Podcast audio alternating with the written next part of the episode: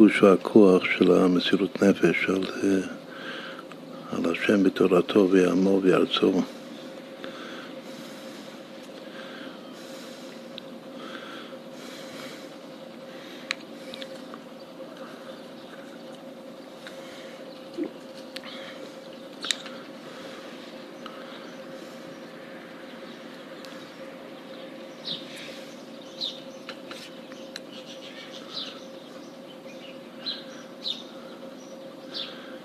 מסביב לג' תמוז, שזה התחלת דגאולה של היום. אז דיברנו על הפסוק יודע השם ימי תמימים, שהשנים והמאורעות של החיים של הצדיק והצדיקים זה מאוד מאוד אה, מכוון, מדויק, עם כוונה עליונה בתוך התהליכים. אז גם היום יש משהו מאוד מיוחד לגבי הרבי הקודם, שהרי הגאולה ממש זה היה ביום הולדת שלו, את ההודעה על הגאולה, הבכוח של הגאולה. ובפועל זה היום, לכן יש שני ימים, י"ב וי"ג. אבל אתמול, שזה היה בכל כבר הודיעו על הגאולה, זה כבר, נגמר המאסר והגלות שלו. אז יום הולדת שלו. זה כבר משהו מאוד משמעותי, שהגאולה והמזל גובר, שזה יום הולדת, זה חל באותו יום. ו... אצל הרבי הקודם, אז התקיים הפסוק ימי שנותינו בהם שבעים שנה. הוא חי שבעים שנה, לא מיום ליום.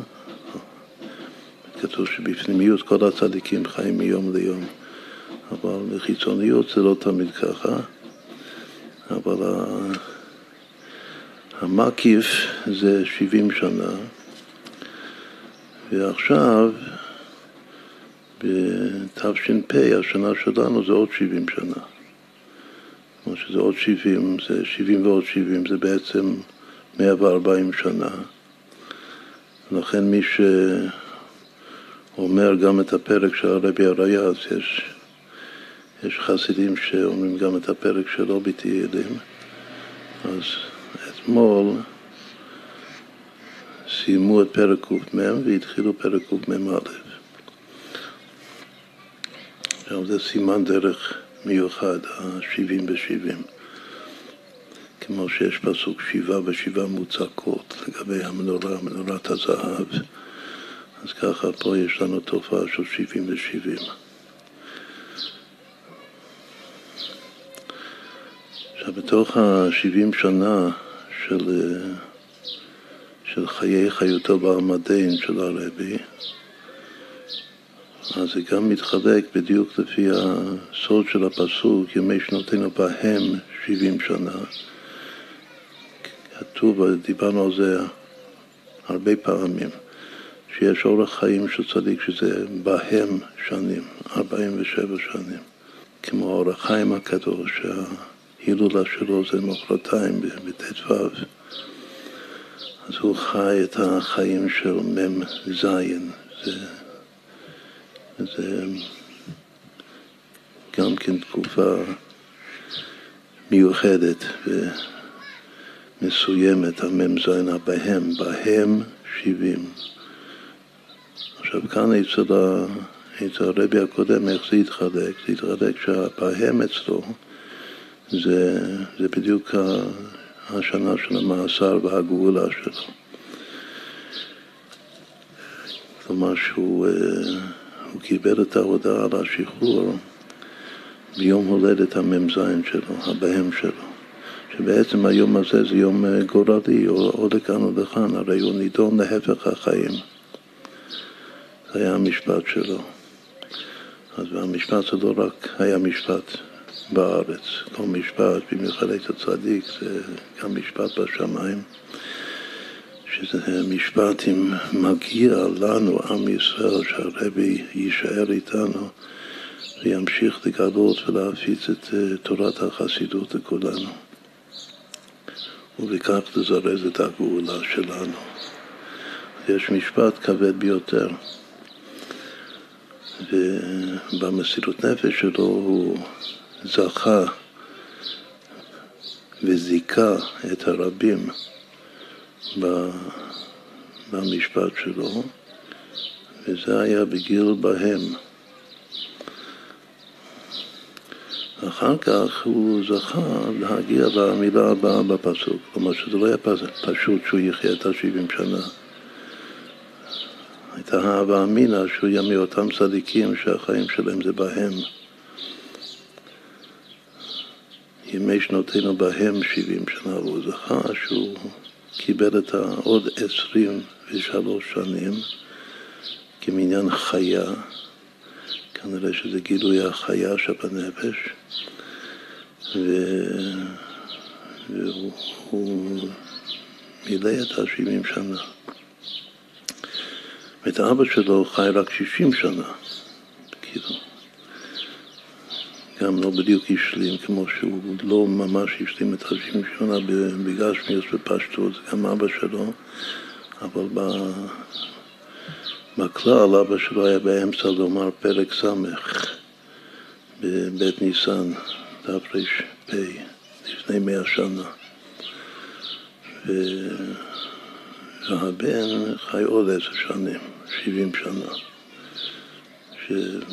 שגם זה אומר משהו חשוב מאוד, בגלל שמה מה קרה לרבי הקודם, לרבי הרייץ בגיל 60, שכנראה שעוד הפעם איזה סוג של משפט, האם מגיע לו עוד עשר שנים, או, ש... או שזה כמו אבא שלו, ש... שהסתלק בגיל 60, אז הוא ניצל גם בנס גדול, שלא כולם יודעים את כל הפרטים של הנס הזה, הוא ניצל מ... מידי הנאצים והגיע ל... הגיע לאמריקה, למרחבים. אז אם כן, הכל מאוד מאוד אה, מדויק. העיקר, מה שנוגע להיום זה הבהם שבעים. עכשיו אנחנו עוד שבעים.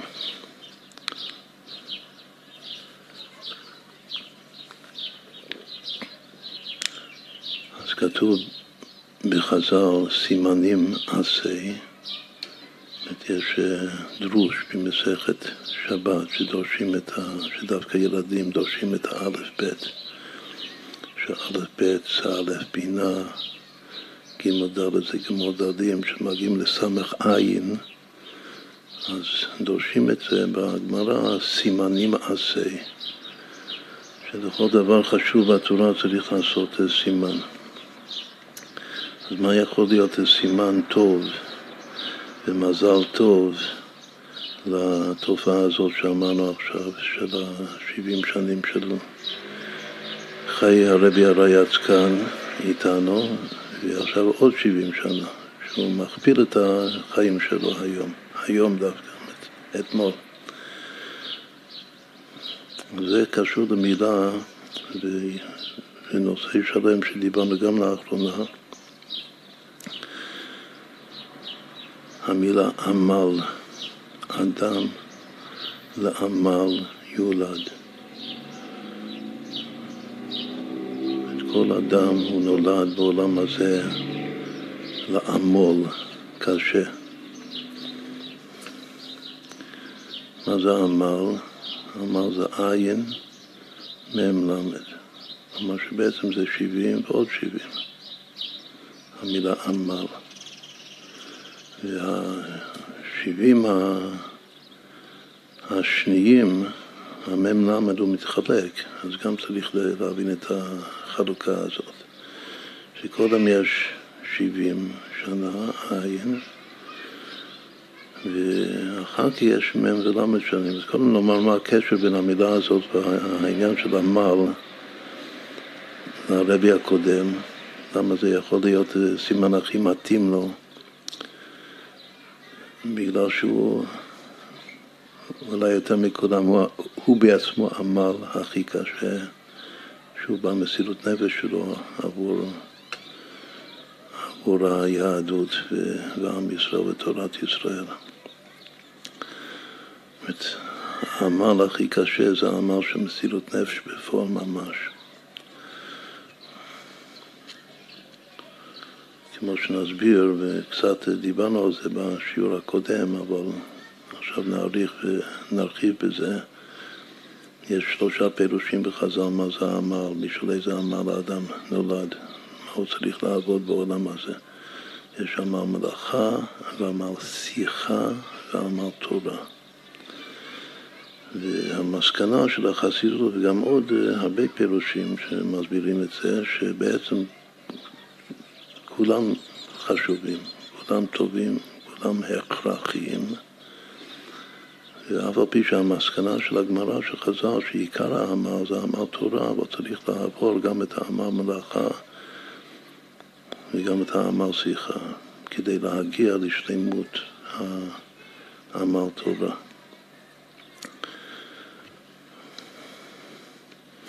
עכשיו, אם נחזור עכשיו נשים את המילה הזאת, עמל, על, ה, על ההיסטוריה, על החיים של הרבי הרייץ. אז העין זה העין שנים שלו בעמדין, בחיי חיותו איתנו. לפני שהוא מוסר למלא מקום שאומר תמיד אה, שנשמתו בי, כאילו הרבי השפר נשיא דורנו, שמנציח אותו שזה הרבי. ואם יש עוד 70 שנה עד היום הזה, כאילו השלמנו את העמל, ברוך השם. אם יש עוד 70, אה, איך זה מתחלק? האם זה באמת, זה מתחלק ל-40 ו-30? לפי האותיות עין, מם, למד. אז אפשר בקלות להבין את זה, בגלל שמם שנים ואחר ההסתלקות, שזה המ"ם שנים הראשונות של הנשיאות של הרבי, זה עד תש"ן, ואז הייתה תפנית גמורה בהנהגה, בהתגלות והנהגה של הרבי, שהרבי כבר הכריז בפה מלא ש... שתש"ן זה התחלת הגאולה, כאילו שזה כבר אה, משהו אחר, זה כבר תקופה אחרת. ואז עד ג' תמוז היו עוד ארבע שנים, אבל זה ארבע שנים כבר של, של דריכות אה, של משיח כאן, הנה הנה משיח באו, כבר בא, ורק צריך לפקוח את העיניים וכו' וכו'. אז אה, בהחלט אפשר לראות את השנה הזאת המיוחדת של תהי שנת נפלאות, מה שהרבי קרא תהי שנת ניסים, של תש"ן, שזה המם. של המילה עמל, שעד כאן המם. ועכשיו אנחנו עוד שלושים שנה מתש"ן עד תש"פ. אז אם כן, המילה הזאת עמל זה מאוד מאוד אה, טוב בשביל להיות סימן של ה... מהיום הולדת של הרבי הרייץ ועד עד היום ממש. באיזה שנה הרבי נולד. זה גם השגחה מאוד מאוד יפה. יש פעם אחת בכל התנ"ך שלוש אותיות פשוטות, הייתי חושב שזה יופיע עוד, עוד כמה פעמים, תרמ. תרמ זה יום ההולדת של הרבי הרייץ. ואם נעשה מזה מילה, אז המילה זה תרום. ויש רק פעם אחת בתנ"ך המילה הזאת תרום, ששוב בהשגחה זה הפעם הזאת זה בהפטרה שקראנו אתמול, בהפטרה של, של פרשת בלק, שזה היום הולדת שלה, כאילו ביום הולדת של הרבי יש את הפעם היחידה שכתוב בתורה שנת הלידה שלו. נקרא לי פרט קטן, כאילו בדי האלפים, תרמ, תרום ידך על, על צריך וכל אויביך יכרתו. זה הפסוק. זה מאוד מתאים לרבי. היו הרבה אויבים ש... שבעד כדי כך שגזרו עליו את טבח החיים. אז הוא במסירות נפש, עמד בגאון נגדם מולם, והוא ניצח אותם. המידה שלו זה מידת הנצח. לכן גם המאמר האחרון של באתי לגני עיקר הדגש שם זה בשביל הניצחון, המלך מבזבז את כל האוצרות שלו. מה זה תרום? המפרשים אומרים זה רוממות. יש מושג שרבי, מלך אמיתי, יש לו רוממות עצמית. בדרך כלל הרוממות העצמית לא מתגלה, זה נשאר בהיעלם. מה שמתגלה בתוכו, בתוך התודעה של עצמו זה שפלות, ומה שמתגלה כלפי העם זה התנסות על עם, שזה לא הרוממות העצמית שלו, זה כאילו השתקפות מסוימת, אבל זה לא בדיוק אותו הדבר. גם כן בשיעור האחרון דיברנו איך העם רואה את הצדיק, ואיך הצדיק רואה את עצמו ואיך השם רואה אותו. שלוש בחינות. אז הצדיק שהוא מלך, אז העם רואה את ההתנסות שלו, והוא בעצמו רואה את השפלות שלו. והשם מלמעלה, בשורש, רואה את הרוממות שלו. יש צדיקים שהרוממות העצמית מתגלה, וככה יצא הרבי הקודם, זה הסימן שלו, שיום הולדת שלו תרום. זה מתגלה כאשר הוא מנצח במלחמת קודש שלו, כמו שכתוב המשיח, שיילחם את מלחמות השם ינצח כמו דוד המלך. באופן אחר. דוד היה צריך, זקוק לשפוך דם ממש, היות שידיו דמים מלא, ולכן הוא לא זכה בעצמו לבנות בית המקדש ומשיח, הוא ינצח בלי שפיכות דם, ינצח בצורה אחרת, ינצח. תרום ידך על צריך וכל אויביך יקראת.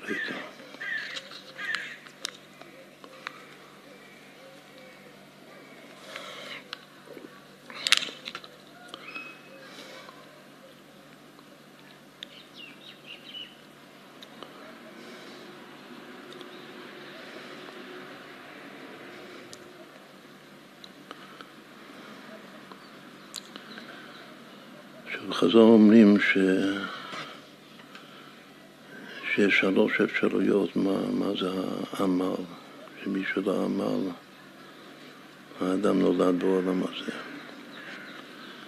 זה מאמר חז"ל במסכת סנהדרין בפרק חלק, ששם רבי אלעזר אומר שכל אדם לעמל נברא, הוא טיפה משנה את הפסוק, הפסוק שהוא מביא, שנאמר כי אדם לעמל יולד. הפסוק, רק שנבין את כל הרקע הנכון, הפסוק זה פסוק בספר איוב. ספר איוב זה אחד מה...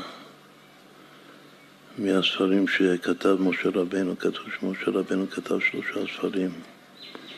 גם קשור לאתמול, לפרשת ברק, הוא כתב את, את ספרו ואת פרשת בלעם ואת ספר איוב, כך כתוב בחז"ל. מה זה ספרו? ספרו זה כל התורה כולה, כל חמישה חומשי תורה. אבל מוציאים מזה ומייחדים כספר בפני עצמו את פרשת בלעם. למה? בגלל שזה סוג מיוחד של נבואה. זה נבואה פשוט שהוא רואה מרחוק, כמו בזום. מרחוק הוא רואה מה מתרחש שם בין אה, בלק ובלעם. זה, שוב, זה, זה, זה קרה אז, בהווה. זה לא נבואה של העבר, לא נבואה של העתיד, זה פשוט, הוא, הוא מתאר, הוא כותב, הוא רואה את המתרחש מרחוק, והוא כותב את זה. אז זה כל כך, אה, מי שמתבונן בזה מבין, זה כל כך שונה מכל הנבואה של כל התורה כולה, שהשם מדבר איתו ואומר לו, זה הדבר אשר ציווה השם. מכאן זה משהו אחר לגמרי, שלכן חז"ל ייחדו לזה ספר בפני עצמו. אף על פי שזה זה חלק מחמישה חומשי תורה. אם חסרה אות אחת מפרשת בלעם, אז כל הספר פסול. אף על פי כן זה נחשב ספר בפני עצמו, שזה, הוא כתב את ספרו, את פרשת בלעם, בחידוש גדול מאוד, שמכל הכ"ד ספרי תנ"ך יש עוד ספר אחד שמיוחס דווקא למשה רבנו, שזה ספר איוב. אז תמיד מסבירים שזה כמו השלושה ספרים שנפתחים בראש שנה. ספר של צדיקים גמורים, ספר של רשעים גמורים וספר של בינונים. שהספר של צדיקים גמורים זה ספרו. הספרו זה זכרו תורת משה העבדי. קוראים לזה ספרו, כאילו זה הספר שלו. כמו שהוא צדיק גמור, מי שמקיים את מה שכתוב בתורה, אז הוא גם כמו משה רבנו. אז זה ספרו. ופרשת בלעם זה עוד ספר שהוא כתב, זה ספר של רשעים. סימן שמה שרואים בזו מה שקורה ביום יום, הנייס, החדשות של כל יום זה ספרן של רשעים. רואים את כל מה שהרשעים מחוללים, את כל, ה, כל מה שקורה בחדשות. זה נקרא פרשת בלעם, שזה ספר של רשעים. ספר חשוב, משה רבנו צריך גם את הספר הזה לראות ולתעד אותו. ואחר כך ספר איוב זה ספר של בינונים. מה, מי זה בינונים? אחד שהוא מתלבט ומתחבט בהשגחת השם. שקוראים לו דברים בחיים שלא מבין איך השם הטוב יכול לעשות כאלה דברים. זה אחד מה, מהגדרים של הבינוני. והדוגמה העיקרית בכל התנ"ך, בכל התורה כולה, זה איוב, שהוא, שהוא צדיק גדול, ככה מתארים אותו, אבל הוא, הוא לא מבין מה קורה עד כדי כך שהוא מתחיל להיכנס לספקות.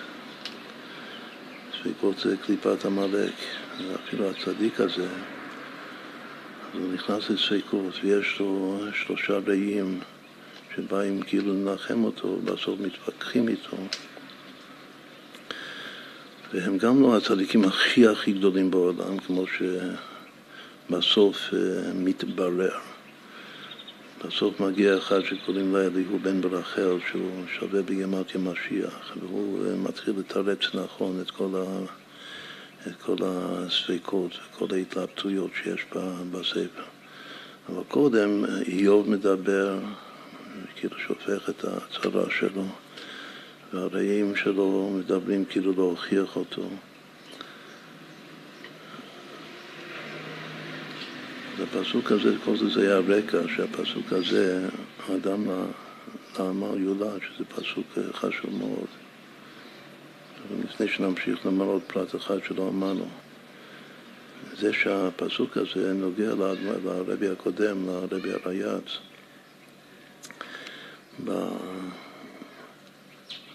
שנתיים לאחר השחרור בתרפ"ז, בתרפ"ט, אז זה כבר היה חגיגה אולי הראשונה הגדולה העולמית של, החג הזה, החג י"ב וי"ג תמוז, אז המאמר חסידות שהוא אמר, זה היה על הפסוק הזה, על אדם העמל נולד.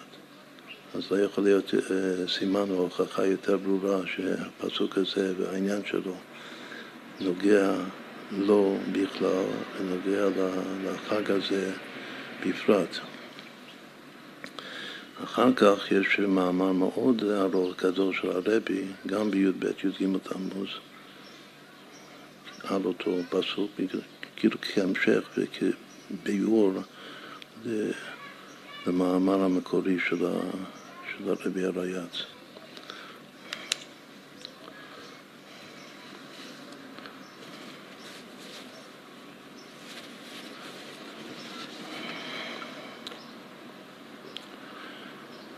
שוב, איוב טוען שמה שקרה לו זה עוד, או שזה בא מהמערכות של הכוכבים, כאילו שזה בלי השם, הוא מסתפק, הוא לא רואה את ההשקעה, הוא לא מבין איך השם יכול לעשות לו את זה. אז אם, אם השם לא עשה לו את זה, אז מי עשה לו את זה?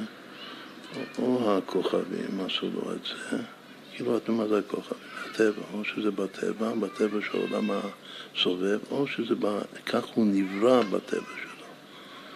כשאדם נברא, הוא נברא עם, עם נטיות, וכאילו כל העתיד שלו כתוב בתוך העצמות שלו, בתוך הגנים שלו. ככה מסבירים המפרשים.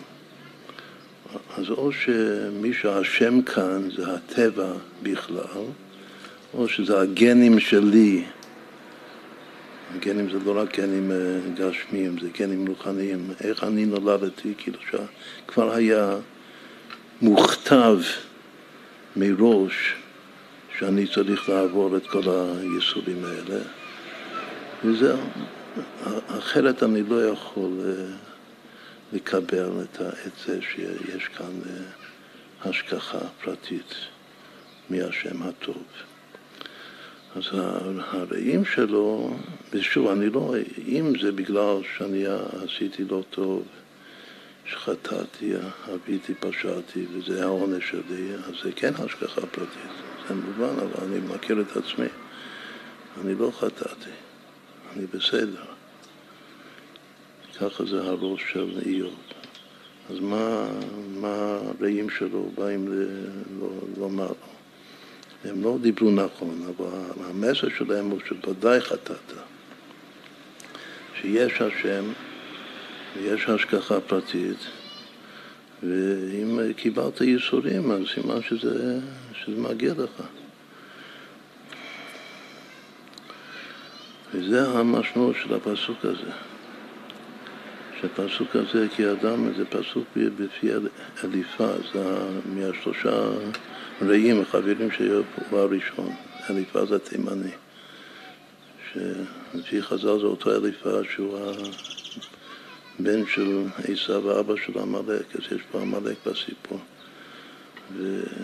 והוא אומר את הפסוק הזה, הוא אומר לאיוב, שתדע לך שהאדם נולד בשביל, זה הפירוש רש"י על הפסוק שלי, הזכרנו את זה בשיעור הקודם, אבל לא הסברנו את הרקע מה...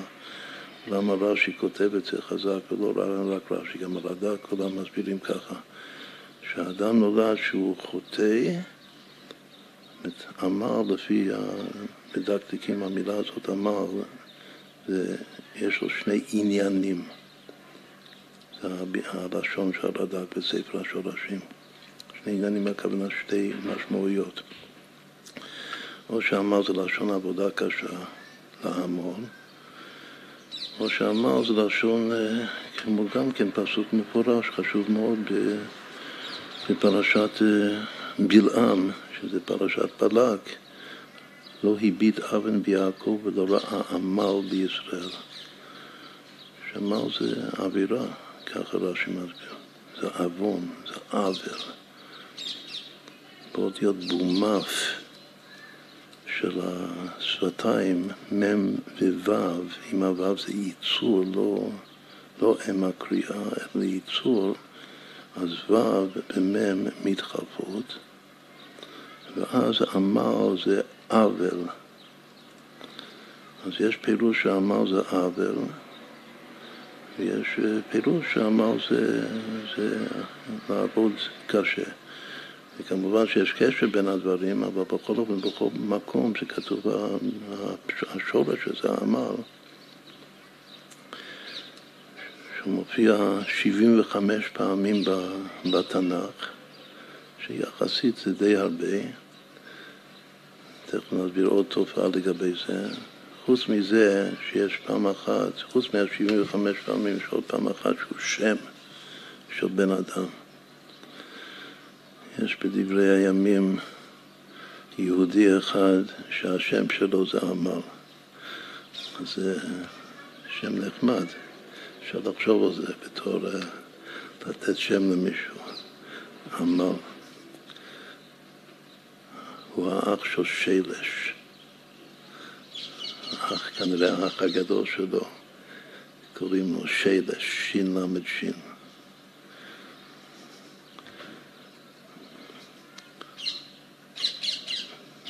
אמר זה פעמיים, פעמיים שבעים, כמו שראינו, ושלש זה תשע פעמים שבעים, ויחד זה שבע מאות שבעים.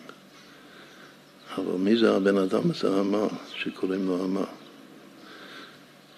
הוא מצאצא, מזרע אשר, השבט אשר. הרי בדברי הימים יש, יש כאילו רושמים את כל התולדות, דברי הימים של כל השבטים, שבטי קר.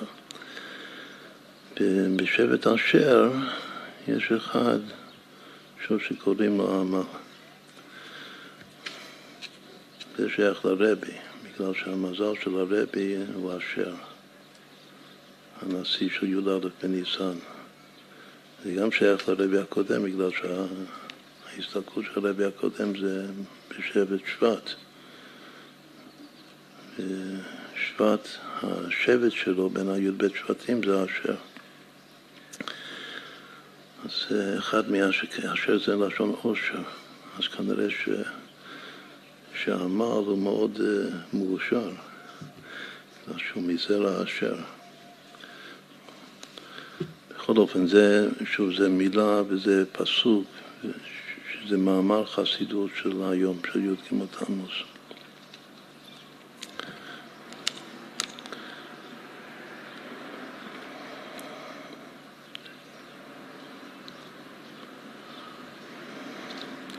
עכשיו, מה אומר אליפז לאיוב? הוא אומר שזה לא כמו שאתה חושב, לא כמו שאתה אומר ש... שהכל מוכתב בטבע. הכל זה בהשגחה, ואתה אשם, אתה חטאת, מגיע לך, וזה נקרא הס, שזה נקרא כי אדם לעמל יולד. אדם נולד בשביל לחטוא ולקבל את העונש שלו על החטא. מה ההמשך של הפסוק? משהו מוזר ביותר, כאילו לא נשמע שום קשר. ובני רשף יגביאו עוף.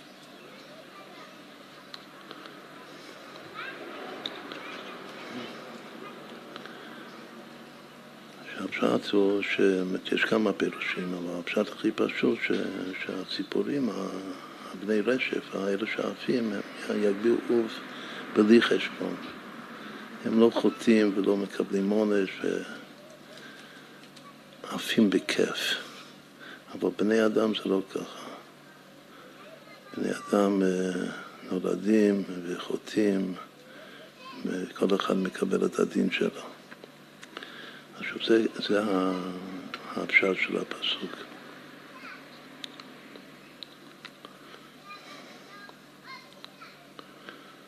מה היה הפסוק הקודם? הפסוק הקודם היה כי לא מעפר אבן ומאדמה לא יצמח עמל, גם המילה עמל. שזה ממש מפורש, מה שהסברנו. אל תחשוב שהאבן והעמל זה אוטומטי יוצא מהטבע. זה לא יוצא מהטבע. זה תלוי בבחירה החופשית של בני אדם. ואז כשהוא אומר שמאדמה לא יצמח עמל, ההמשך הוא הפסוק שלנו, שזה כי אדם לעמל יולד. יש אמרתי מאוד יפה, באו בני רשף יגביאו עוף, שלא הזכרנו את זה פעם קודמת, שעושים את החשבון של, זה, זה יוצא שש פעמים עמל. המילה עמל יש שישה צילופים. אז כל הצילופים של מצד אחד זה כאילו אין להם עמל, אבל הם שלמות העמל. משום מה, צריך להתבונן בזה. ובני רשף יקביעו עוף. אם כבר אמרנו כמה משמעויות יש לצילופים של עמל. יש רק עוד שניים שיש להם אה, משמעות כמו שהם שורש בלשון הקודש. אחד זה עולם, מילה חשובה. גם לשון העלם, כמו שדורשים שעולם זה לשון העלם והסתר האלוקות. אבל השם ימלוך לעולם והעד, כמו שיש לעמל, יש לו עולם. והשני זה מעל. זה מאוד קרוב לעמל לפי העניין השני שלו, שזה חטא, או עוול, שזה סוג של מעילה. יש בעמל גם מעילה וגם העלם. ובתוך העלם גם המשכיות של עולם.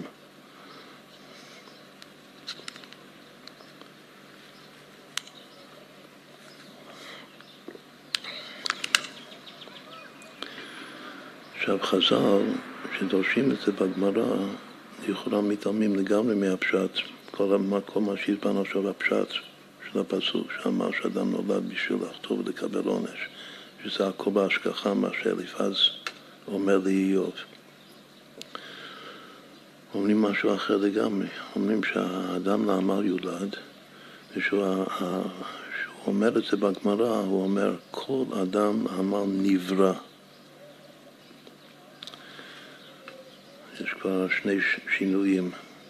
במקום כי הוא אומר כל, ובמקום נולד הוא אומר נברא. התשובה הפסוק זה כי האדם לעמל נולד. הוא כותב בגמרא, או המאמר חז"ל זה כל אדם לעמל נברא. כשאומר כל, אז הדיוק הוא שזה כבר רומז שיש כמה סוגים של עמל. וכל אחד והעמל שלו.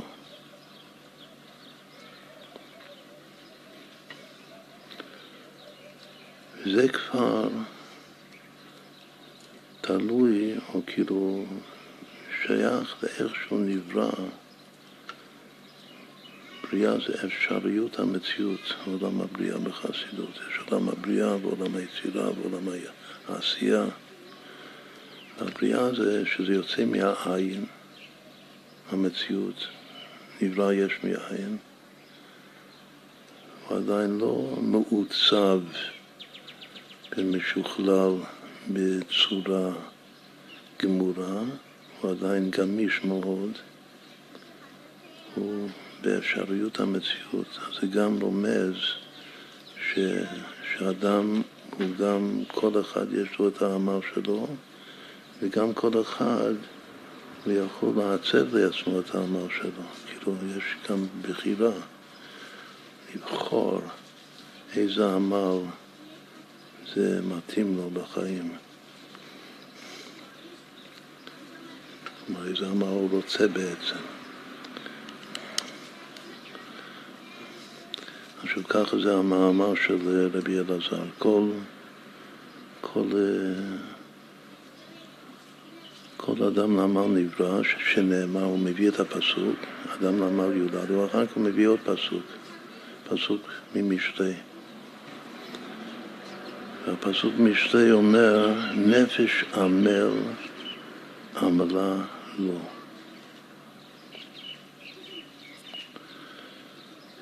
יש פה כפול השורש עמל. נפש עמל עמלה לא. ו... והוא כותב, הוא כאילו שואל את השאלה מה אמר שם, מה זה נפש עמל עמלה לא.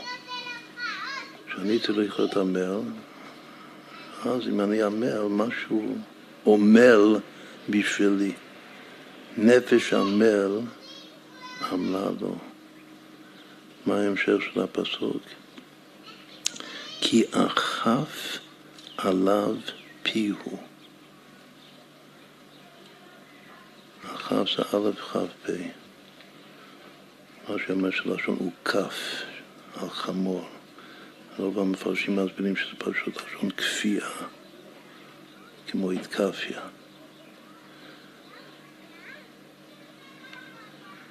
עכשיו, המין הראשון הוא שמה שנפש עמל עמלה לו זה שה... שסתם אני אומר שאדם נולד, נברא בשביל לעמול קשה. אז מה הציור הראשון? זה באמת זה המין הראשון שזה אמר מלאכה בשביל לעבוד קשה.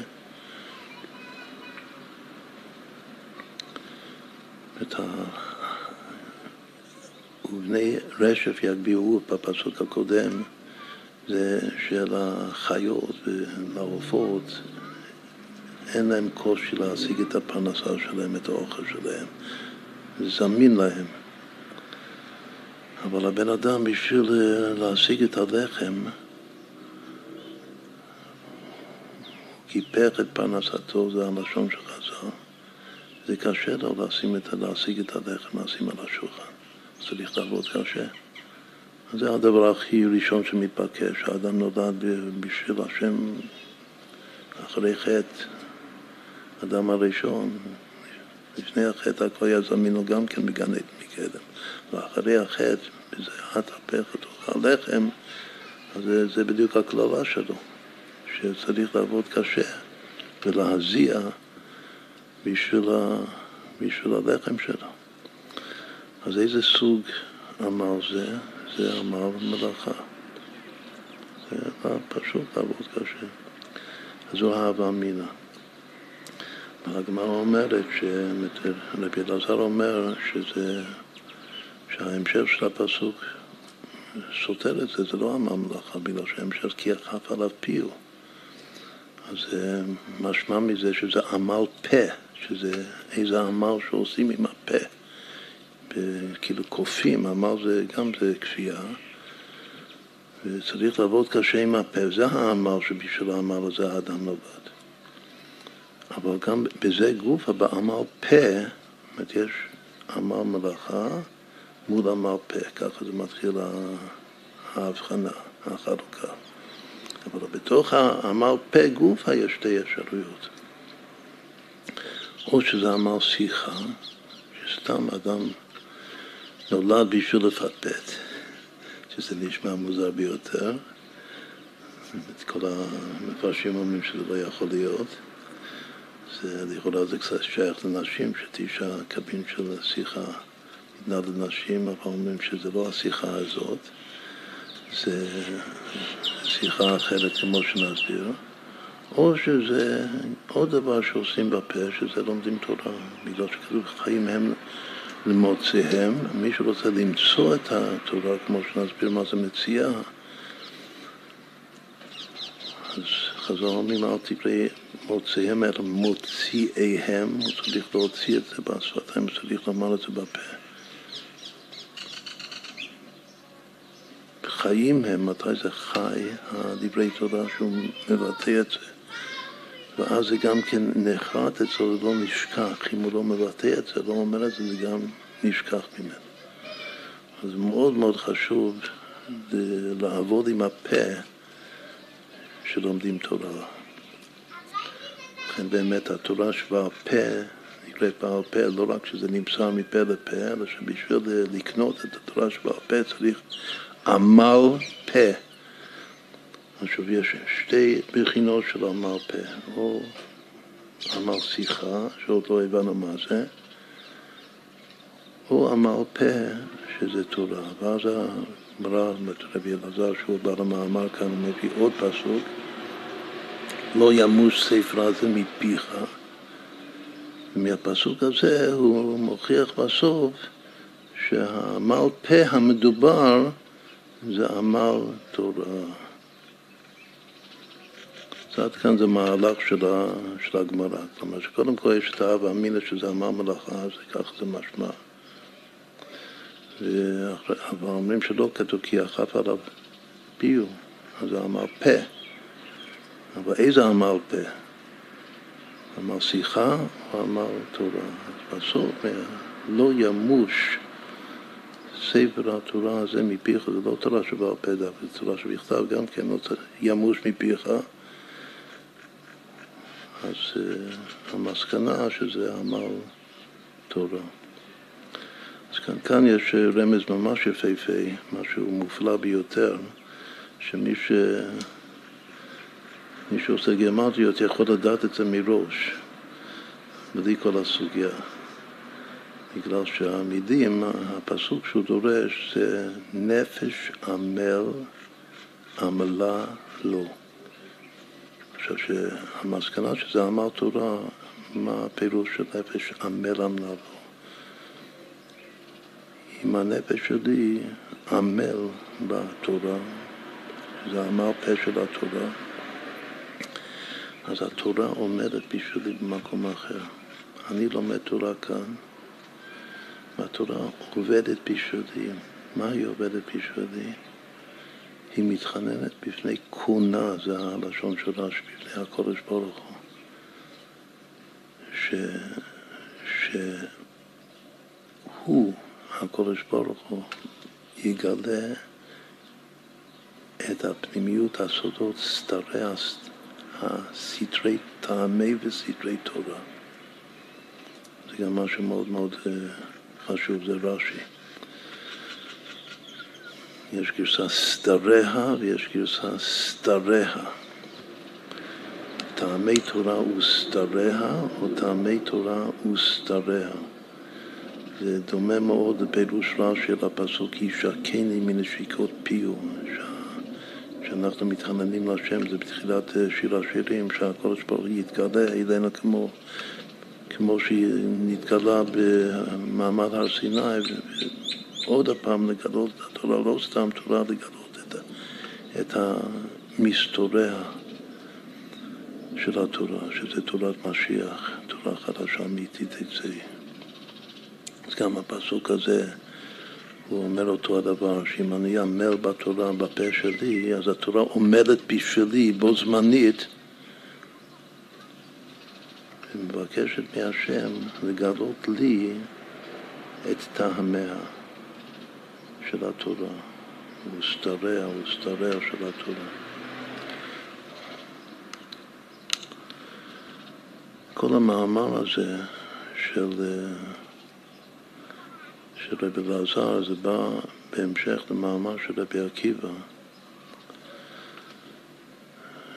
שאומר שצריך ללמוד תורה בבחינה של זמר בכל יום, זמר בכל יום. צריך לחשוב על התורה הרבה מאוד עד שהיא מתנגנת.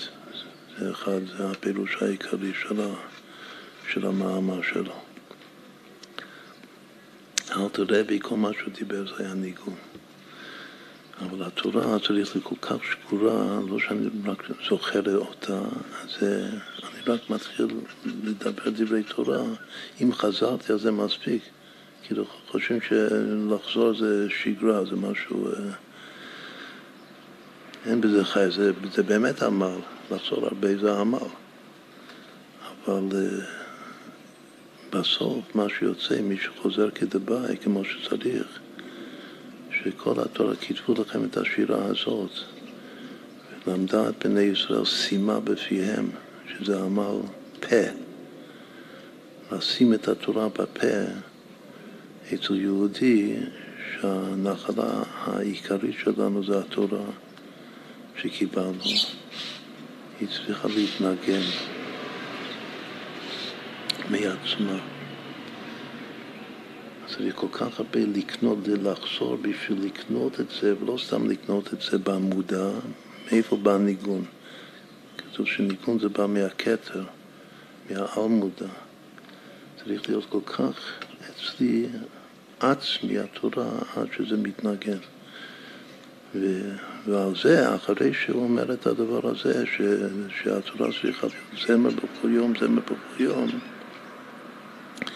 אז בא עוד מאמר שהתורה, אם אני אומר בתורה, התורה עומדת בשבילי, שזה בעצם זה מאמר שבא להסביר את הזמר בכל יום, זמר בכל יום, זה מאמר של רבי יצחק ברב דימי, ואחר כך בא המאמר של רבי אלעזר, שנפש המל עמלה לו, ש...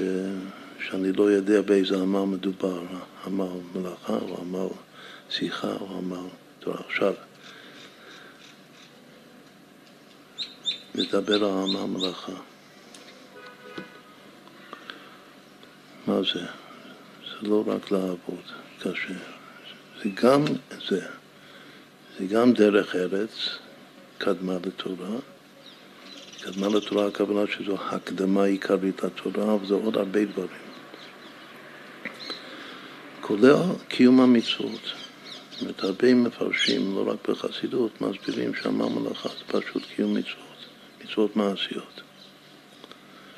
וככה באמת הסברנו את זה גם פעם קודמת. אבל במאמרים של הרבי הקודם, והרבי, על הפסוק, כי אדם לעמל יולד, אז uh, מפרשים את זה עם כמה גוונים, ויש להשלים את זה. קודם נחזור למה שאמרנו, שמי שעושה גמטיות הוא, uh, הוא כבר יודע מראש שהמסקנה תהיה שהאמר המדבר כאן זה אמר תורה. למה? בגלל שנפש עמל עמלה לו שווה בדיוק אמר תורה.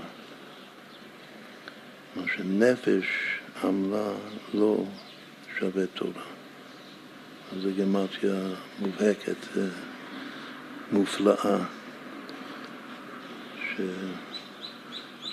שרואים סוגיה שלמה בשביל להגיע למסקנה פשוטה שתעשה חשבון כמה זה שווה ותראה שזה שווה עמל תורה. אבל בשביל זה צריך את עמל מלאכה, את עמל שיחה. עכשיו בקיצור, וגם הסברנו את זה פעם קודמת, עמל מלאכה זה, זה מעשים טובים, זה לא סתם uh,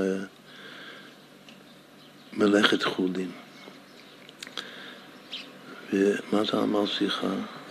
זה כמו הפסוק ויצא יצחק לסוך בסדר לבנות הערב. חז"ל אומרים אין שיחה אלא תפילה.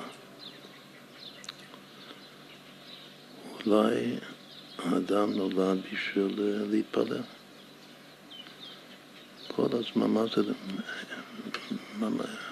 מי אמר משהו דומה לזה? שאני פה בעולם הזה ללכת בעקבות כי אתה אבינו, של עתיד לבוא נקרא דווקא ליצחק אבינו.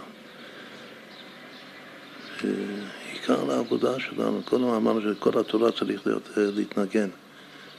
אז כמו שלהתנגן, איפה מנגנים? גם שמתפללים. שניהם זה נקרא פה. פעם יש עמל מלאכה ועמל פה ועמל פה. עכשיו שני פה זה אחד קוראים לו עמל שיחה והשני קוראים לו עמל תורה. שניהם זה צריך להתנגן. והעמל שיחה זה, זה להתפלל, ולומדים את זה מיצחק אבינו. בפעם קודמת הסברנו שהתפילה, יש הרבה פעמים בקבלה בחסידות שתפילה זה מלכות, ואני תפילה. ודוד המלך, שהוא הנשמה הכללי של המלכות, הוא נעים זמירות ישראל, והוא הוא כותב ספר תהילים, אחד מהפירושים של אמר שיחה, אחד מהמפרשים מסביר שאמר שיחה זה להרבות בלומר תהילים. עכשיו, הרבה פעמים אה, זה מאוד נוגע לרבי הקודם, שהתקנה והמעלות העצומות, האדירות של אמירת תהילים. כמו הקובץ שמודפס בסוף של ספר תהילים מהשיחות של הרבי הקודם. אז זה קשור לעמל שיחה. אבל בחב"ד עיקר התפילה זה לא רק כאילו המלכות שמתחננת מלמטה, זה ההתבוננות, שמתפללים מתוך אה, תבונה, מתוך התבוננות. זה עבודת התפילה. זה חז"ל אומרים שאיזו היא העבודה שהיא בלב, העבודה שבלב, הווי אומר זאת תפילה. תפילה זה עבודת הלב. עבודת הלב זה עבודת ההתבוננות. עד שההתבוננות מעוררת את המידות שבלב. כלומר שזה מוחין ששייכים למידות. הם מתבוננים בשביל לעורר את האהבה והיראה, ואז מתוך זה לשפוך שיח בפני הקודש ברוך להתפלל. יש גם פה רמז, אמרנו שכל הביטוי נפש עמל עמלה לא שווה בדיוק אמר תורה, מה שווה אמר שיחה, אמר שיחה בגמרת תבונה. עכשיו אם אמר שיחה זה כנגד יצחק אבינו, אז אולי זה פלא, זה משהו כל כך פשוט שהייתי אה, חושב, בוודאי אחד מהמפרשים אמר את זה, ועוד לא ראיתי מפרש שכותב את זה, שהשלוש אמר זה כנגד האבות, בגלל שבפילוש שאמר שיחה זה, זה יצחק. הייתי יצחק לסוח בשדה לפנות ערב, אין שיחה אלא תפילה. לפי זה אמר מלאכה, לפי הסדר. אמר מלאכה שזה הווה מן הראשון, זה צריך להיות כנגד אברהם אבינו. ואמר תורה זה פשוט מאוד, שזה כנגד יעקב אבינו, בגלל שיעקב אבינו הוא, ה... הוא עמוד התורה. מה זה מלאכה? אם הפירוש, כמו רוב המפרשים שמסבירים שאמר מלאכה זה מצוות, אז המצווה העיקרית זה צדקה, וכל המצוות נקראו גמילות חסדים, זה על דרך על שלושה עמודים העולם עומד. על התורה זה אמר תורה, ועל העבודה זה אמר שיחה, שזה תפילות כנגד כל האהבות, אבל עמוד התפילה זה יצחק, יצחק ורבקה ביחד, בגמרתי תפילה, כידוע הרמז. זה עמוד העבודה, וגם יצחק היה מוכן להקריב את עצמו בעקידה, זה נקרא עבודה. עכשיו אנחנו עושים את זה בתפילה שלנו, מקריבים את עצמנו להשם, מקרבים את עצמנו להשם. ועמוד גמילות חסדים זה, זה נקרא אמר מלאכה. גם כן בשומע, אפילו בקטני כתוב בשומע עובדים, לא רק לשים לחם על השולחן. עובדים קשה בשביל לתת צדקה, שזה גמילות חסד. אז זה משהו מאוד פשוט, שהשלוש בחינות זה כנגד, כנגד האבות. ולכן יש באמת הווה אמינא שכל אחד הוא עיקר, שאולי העיקר בין האבות זה אברהם, או הראשון, או האדם הגדול בענקים. אולי העיקר זה יצחק, באמת לעתיד לבוא כתוב שהעיקר זה יצחק, כי אתה אבינו. או שהבכיר שבאבות, השלישי, שהוא גם המשולש, כמו שהרבי מדגיש תמיד, יעקב שאמר לתורה שזה אמר תורה, שזה העיקר.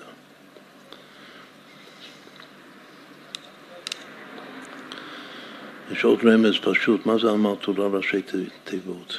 עת, עין תו, אמר תורה. יש הרבה פסוקים של עת, אבל הפסוק הכי מתאים והכי... טוב בשביל הרמז הזה עת, זה הפסוק הידוע שזה קשור עם ארבע המהפכות שאנחנו מדברים עליהן, עת לעשות להשם הפרו תורתך.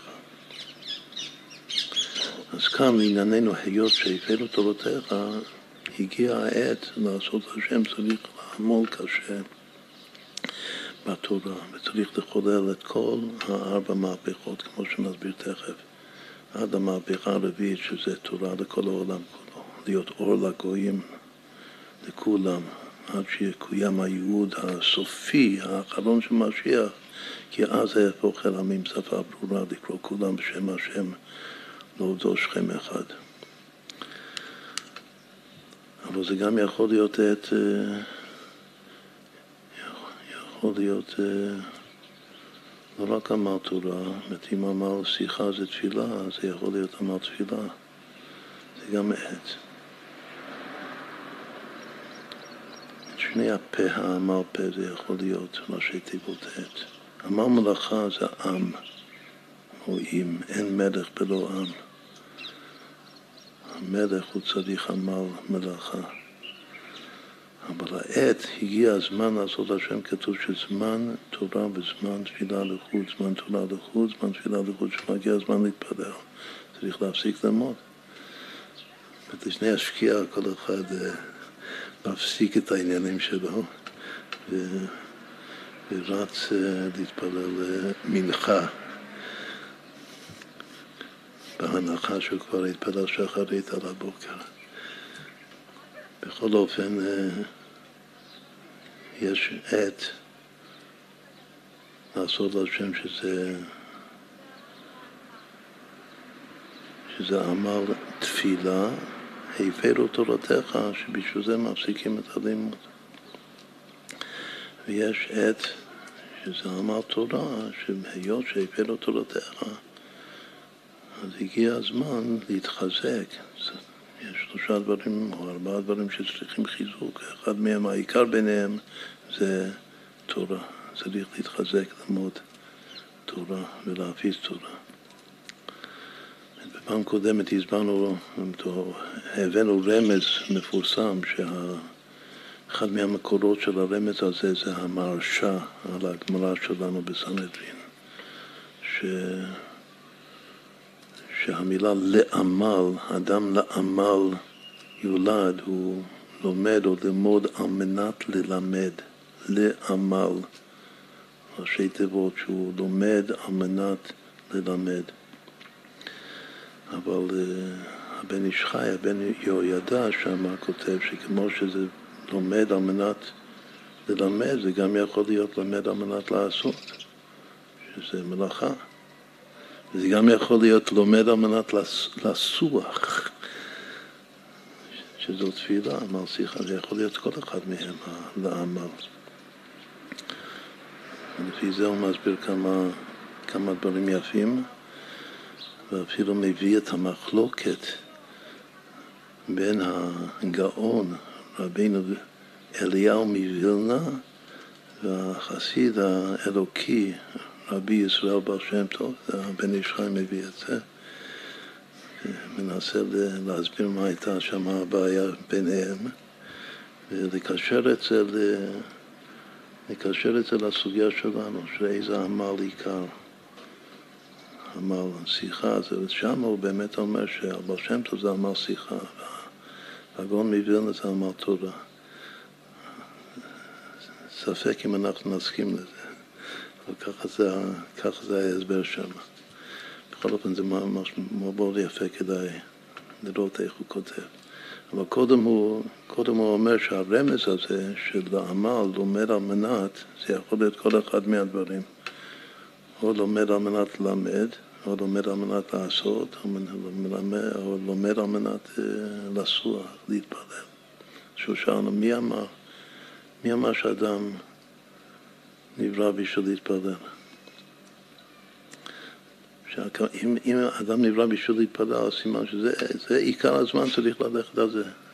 זה עיקר, עיקר החיים. אולי זה מתאים לבנות. עיקר הזמן להתפלל. אמרתי ילדים כל היום. אז באמת מישהו אמר את זה. מי אמר את זה? זה רבי יוחנן אמר את זה. זה מובא בתניא, הלוואי, כך הוא אומר, הלוואי שיתפלל אדם כל היום כולו. כך מביאים המפרשים בתור אה, ראייה, בתור אסמכתה לדעה הזאת, להווה אמינא, שאדם נברא בשביל שיחה הלוואי, שיתפלל אדם כל אדם. יש לנו על זה ספר שנקרא תפילה מתמדת. גם מי שלומד תורה, שזה עמל תורה, שזה העיקר, גם כן צריך להתפלל. כאילו שני את האלה, העיתים, העת, העמל תפילה ועמל תורה, זה מאוד קשור אחד בשני. לומדים בשביל להתפלל ומתפללים בשביל ללמוד. מתוך התפילה מתחדשים חידושי תורה, מתוך התורה גם מתחדש רוח חן בתחנונים של תפילה. יש הרבה קשר בין העמל פה והעמל פה, לכן שניהם זה נקראו באותו תואר, העמל פה.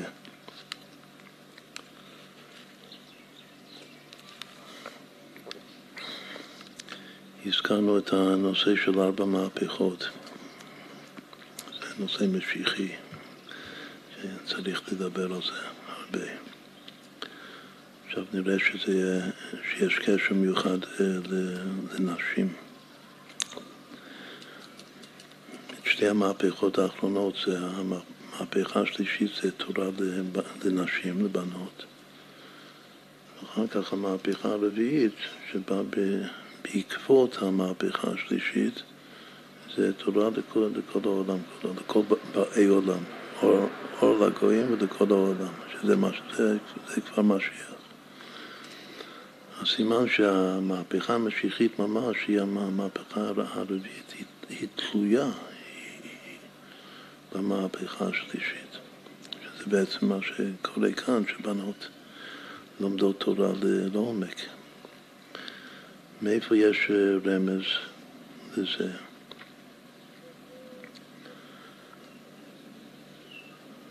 יש גם מאמר חשוב בחז"ל, באותו פרק חלק בסנהדרין, שכתוב שיש שלושה דברים שבאים בהסך הדעת.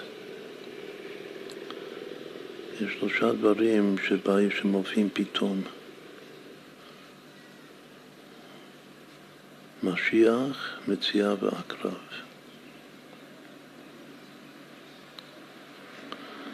משיח בא בהסך הדעת ומציאה, למצוא מציאה זה בא בהסך הדעת והקרב גם כן בא בהסך הדעת.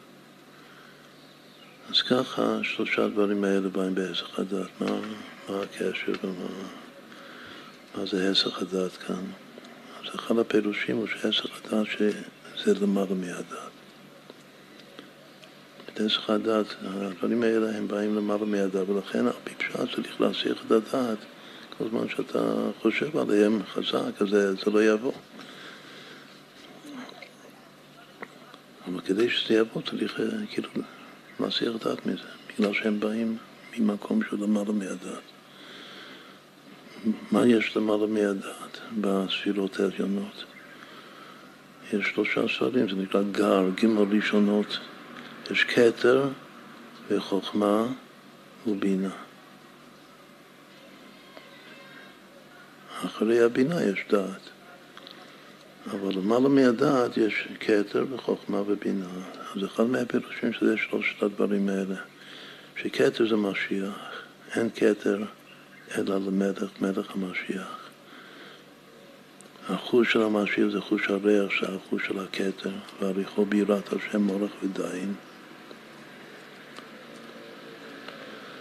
מציאה בתורה זה הולך על חוכמה. מהפסוק, והחוכמה מאין תימצא. עיקר המציאה זה חוכמה, איפה עוד זה כתוב? לגבי לימוד תורה, הרי אם העמל צריך להיות עמל תורה, עיקר העמל של האדם בחיים, העבודה, היגיעה שלו בחיים, אז כתוב, יגעתי ומצאתי תאמין, יגעתי ולא מצאתי אל תאמין. לא יגעתי ומצאתי אל תאמין, יגעתי ומצאתי תאמין. אז כאן יש כאילו שני דברים הפכים. מצד אחד כתוב שמציאה זה בא בהסך הדעת, בלי לחשוב על זה. אז מה זה יגעתי ומצאתי תאמין? שבאמת צריך הרבה יגיעה, ואז באיזה רגע כממרה יש איזה עין של הסך הדעת, ואז פתאום באה המציאה. אני לומד מה המציאה, זה כמו, כמו שאמרנו קודם, זה בא הניגון. אני לומד וחוזר על זה וחוזר על זה, מה שפתאום הניגון, אני לא יכול לכוון את הניגון מראש. אבל אם חוזרים על זה מספיק, לפני כן בגמרא היו כמה מאמרים שמי שלומד ולא חוזר מספיק, הוא זורע ואינו קוצר. או שהוא מוליד וקובר, חס ושלום. לכן רבי עקיבא אומר שצריך זמר בכל יום, זמר בכל יום. אז מה המציאה? המציאה זה הניגון. זה מתוך יגיעה, אבל זה גם, זה בא בעשר הדעת, אני לא יכול לחשוב על זה מראש, לתכנן את זה מראש. עכשיו זה חוכמה, זה החוכמה מאין תימצא, זה שייך לתורה, שאולי מחוכמה נפקת. מה זה הקרב? לפי זה הקרב צריך להיות פינה. עכשיו הקרב זה דינים, זה משהו קשה הקרב, זה יותר גרוע מנחש. אבל הקרב זה גם כן אה, אחד מהמזלות, שכל המזלות צריך להיות משהו טוב בהם, מזל גובר. כל מי שנולד בחודש חשוון, אז יש לו מזל הקרב, וזה גובר. זה צריך להיות איזה כוח טוב. המזל שאתה זה עוד יותר גרוע של היום. גם זה משהו טוב. מה זה, מה זה, מה זה הקרב? אז אחד מהפירושים הוא שהקרב זה רומז העין קרב. מה זה עין קרב? עין קרב זה הכוח לקרב את העין אומות העולם. אבל קרב זה גם מלשון אה, קרב, מלחמה. שייך גם להיום, זה חג הגאולה. פדה בשלום נשים מקרב לי, כי ורבים היו עמדי. יש קרב שזה מלחמה ויש קרב שזה לקרב, כמו קורבן מלשון לקרב. מה זה עין קרב? יש מימד מסוים של, של קרב, אבל התכלית של הקרב זה לקרב, כלומר להוציא את כל הניצוצות הקדושים ולקרב אותם לקדושה. זה שייך לאימא. אימא, כתוב על אימא, הבינה, מינה דינים מתארים, שזה הדינים של הקרב. אבל ביחד עם זה, מי זאת אימא? אימא זה כמו שרה אימנו, האימא הראשונה. שכתוב כל אשר תאמר אליך שרה שמע בקולה. מה זה שמע בקולה? שהיא יודעת להבחין בין גר צדק אמיתי לבין אחד שלא אמיתי. היא חופפת את שערות הראש של אברהם אבינו. אברהם לא יודע להבחין, היא יותר גבוהה ממנו. שערות הראש של אברהם אבינו זה הגירים. מי שכופפת מוציאה את הקינים. אז הקינים היא יודעת מי הוא כן, איזה גר צדק הוא גר אמיתי, ואיזה צדק, איזה גר הוא לא אמיתי. הוא רק למראית עין. לכן, מה היא אמרה שם? גרש את האמה הזאת ואת בנה, כי לא יירש בין האמה הזאת עם בני עם יצחק, שישמעאל לא, לא מתאים אז, צריך לגרש אותו. זה היה ניסיון כבד בשביל אברהם, אחד מעשרה ניסיונות שלו. והוא קיים את זה בגלל שהשם אמר לו, כל אשר תאמר אליך שרה שמע בקולה. אז מי יש את הכוח של הקרב לדעת מתי נלחמים ומתי מקרבים? איך לווסת נכון את השמאל דוחה וימין מקרבת, שזה היסוד של זה דווקא אימא. אבל בשביל אימא צריך בינה יתירה, ניתנה באישה יותר מבאיש, כתוב. צריך בינה. והבינה הזאת זה בא מה... זה התבונה של העמל שיחה. ולכן, מכל זה זה היה להסביר למה המהפכה הרביעית יכולה לבוא רק אחרי, או מכוח המהפכה השלישית. רק שהאישה תתעצם עם הבינה שלה, ששוב, זה כוח ההבחנה, זה אוזן מילין תבחן. ראשי תיבות אמת, סופי תיבות נון, נון, נון, שער הנון. כשתגיע לשער הנון של הבינה שלה, אז היא תוכל לתקן את העקרב. כלומר, גם את הקרב שזה נוגע לעוד משהו שנדבר עכשיו, וגם לקרב את כל עין אומות העולם. בחג הסוכות, לפני חודש חשוון, כאילו הכנה לחודש חשוון, שזה מזל הקרב, יש חג הסוכות, שאז מקריבים עין קורבנות כנגד עין אומות העולם. אז כבר יש הקרב בעין פרי החג, חג הסוכות, ואז מגיעים למזל הקרב של, של חודש חשוון. אבל הכל זה מכוח אימא, גם חג הסוכות זה מקיפין דאימא הסוכה. אז אם כן, מה הסברנו? הסברנו ש, שמה שחז"ל מסיקים בסוף, שהעיקר האדם נולד בשביל, בשביל עמל, עמל תורה, זה המציאה.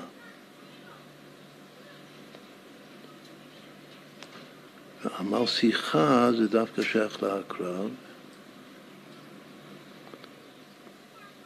ועל ידי שניהם מגיעים למשיח, שזה הכתר. כל שלושת הדברים שהם למעלה מהדת ולכן הם באים בהיסח הדת.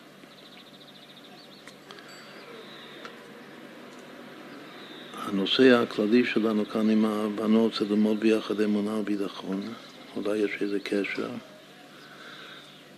אז כן, על שני דברים כתוב הלשון הזה תאמין. יגעתי ומצאתי תאמין, הגעתי ולא מצאתי אל תאמין, לא הגעתי ומצאתי אל תאמין. אז העיקר כאן זה תאמין. הפירוש הפשוט שזה הולך על לימוד תורה. ויש עוד, עוד, עוד פירושים, שבעים פנים לתורה. הקרב זה גם יכול להיות עין קרב, לקרב את כל השבעים פנים, לראות את כל המגוון נכון, זה העין רבתי של שמה, שזה אימא.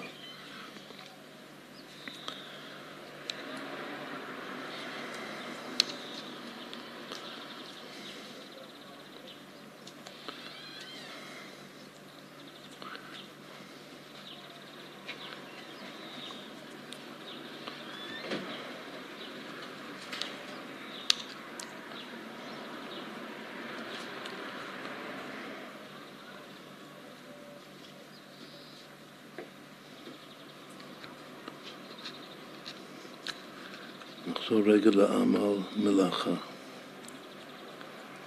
אמרנו שיש הרבה פירושים מה זה מלאכה. שהפירוש, כאילו הפירוש הטוב של רוב המפרשים שזה מצוות. אבל כאן במאמר של הרבי הקודם מתרפ"ט,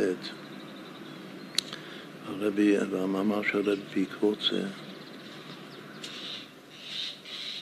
אז הוא אומר ש... אמר מלאכה זה עבודת הבירורים וזה העבודה שבכל דרכיך דאיו. זה לאכול לשם שמיים, לשתות לשם שמיים, שיהיה לי כוח לעבוד את השם. ועוד יותר מזה, בכל דרכיך דאיו, שאני אכיר, אני אתייחד. זה ייחוד, ידעת השם תוך כדי ה... העסק הגשמי שלי, הדרכיך, הדרך שלי, לא דרך המצווה, התורה והמצווה. זה עבודה שבכל דרכיך דיו. זה פירוש אחד מה זה עמל מלאכה. פירוש שני שאומר שזה יותר על פי פשט, שמלאכה זה פשוט משא ומתן באמונה.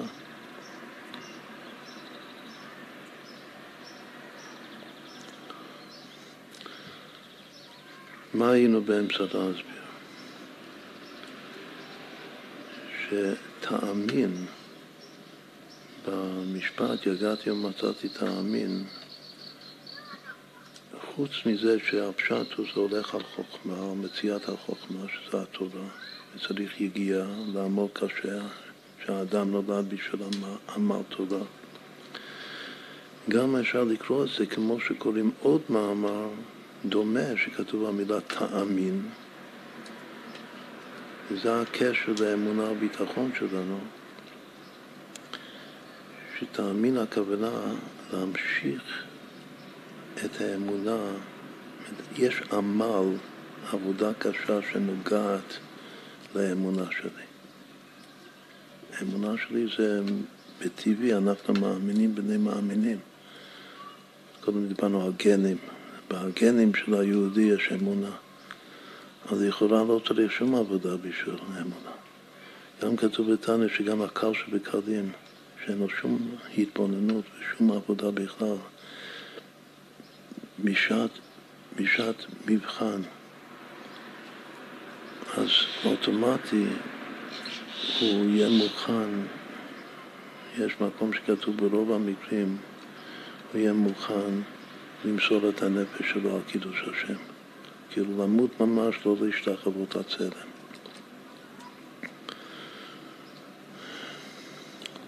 לא להמיר את דתו חס ושלום.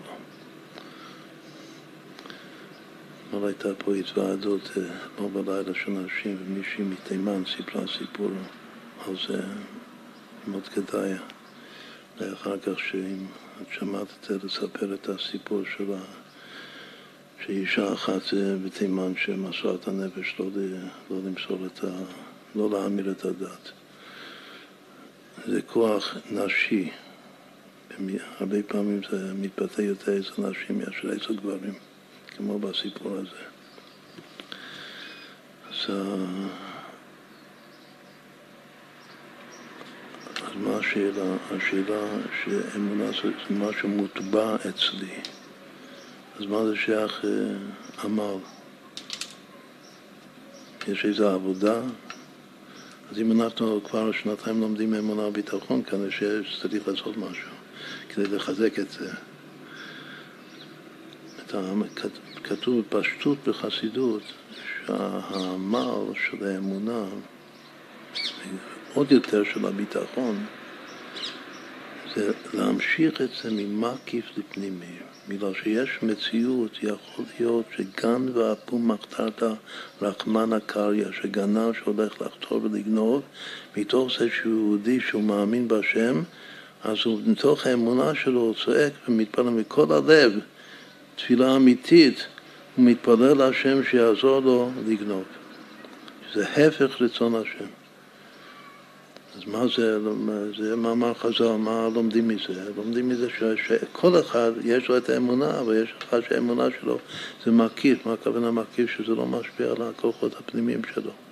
אז אם כן, מה זה העמל?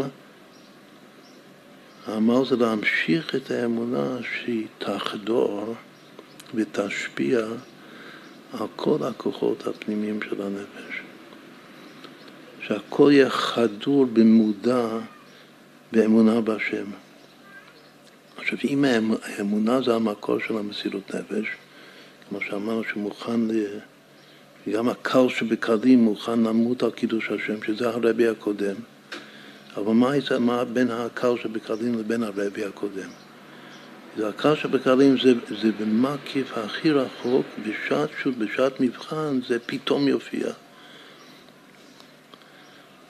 אבל אצל הרבי הקודם, וככה איזה צדיקים גמורים, זה המסירות נפש, התנועה הנפשית של מסירות נפש בפועל ממש, זה לא רק מקיף. זה חדור וזה מורגש אצלו בכל מה שהוא עושה. יש תעבור את הסיפור המפורסם של הבעל שם טוב, ש, שאיך עבדתי את השם כל ימי חיי. כמו אחד שעומד על הר גבוה, והוא זורק את עצמו למטה, הוא פשוט מתפוצץ למיליון רסיסים. מתרסס לגמרי. בתנועה נפשית כזאת עבדתי את השם כל החיים שלי. כך אומר הבעל שם זאת. עכשיו, כל יהודי מוכן לקפוץ מהגג, אבל זה נמצא אצלו במקיף. מה זה העמל? עמל זה להמשיך את זה בפנימיות. אז כל הבעל שם טוב זה אמונה. זאת אומרת, האמונה זה הדבר הכי יקר שיש. ואם זה נמצא בפנימיות, אז אתה הופך להיות הבעל שם טוב פשוט. מי שכל הזמן הוא, הוא מת, כתוב, כתוב שהמצווה התמידית של העתיד לבוא, שזה ביאת המשיח, זה מצוות קידוש השם. שכל רגע בחיים זה לעמוד על קידוש השם. זה גם התכלית של אמר תורה. שאמר תורה זה אדם כי ימות באוהל. עמל שיחה זה עת ללדת, עת עמל תפילה. ועמל תורה זה עת למות. זה אדם כי ימות באוהל, אבל בכל רגע בחיים שלו. אבל זה בעצם תורה שהיא אמות, שהיא כולה אמונה. איזה עוד מאמר דומה לזה שכתוב תאמין ומפרשים את זה להמשיך אמונה. זה המאמר המפורסם של חוכמה בגויים תאמין. תורה בגויים אל תאמין. אבל חוכמה בגויים תאמין, הכוונה חוכמה בגויים תאמין, איך מסבירים את זה? שהחוכמה בגויים אפשר להמשיך את זה, את החוכמה, החוכמות שלהם לתוך האמונה, שזה כל המגמה שלנו של, של חולין התרת הקודש. שם הפירוש תאמין זה להמשיך ולחבר את הניצוצות שיש, אין להם תורה, אין תורה בגויים, אבל יש כן ניצוצות שנפלו בשבירת הכלים מאחורי החוכמה והבינה, זה הביטוי בקבלה. יש הרבה חוכמות שנפלו וצריך לגאול אותם, לפדות אותם. מה הכוונה? צריך להכניס אותם תחת כנפי האמונה, שזה תחת כנפי השכינה. אז שמה זה למשוך ולשאוב לתוך האמונה.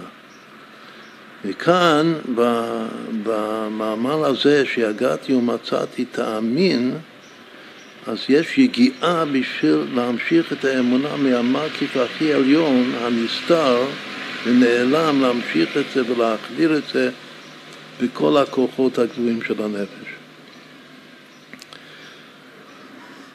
עכשיו, זה קשור גם לאמר מלאכה, בגלל שאחד מהפירושים של אמר מלאכה זה משא ומתן באמונה. שצריך לעבוד גם לחרוש ולזרוע כל הל"ט מלאכות של להוציא את הלחם מן הארץ.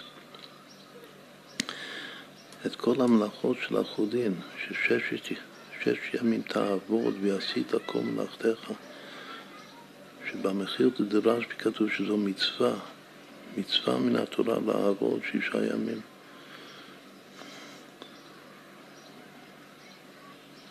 מה עושים? גם כן ממשיכים את האמונה. אם אני נושא ונותן באמונה, אני ממשיך את האמונה שלי לתוך הגשם, לתוך הגשמיות. יש בכלל משהו על הסוגיה שלנו בסנהדרין, פירוש מאוד מאוד חשוב של המהר"ל מפראג, שהוא אבי החסידות כידוע. הוא אומר כלל כזה שצריך להבין מה הכוונה.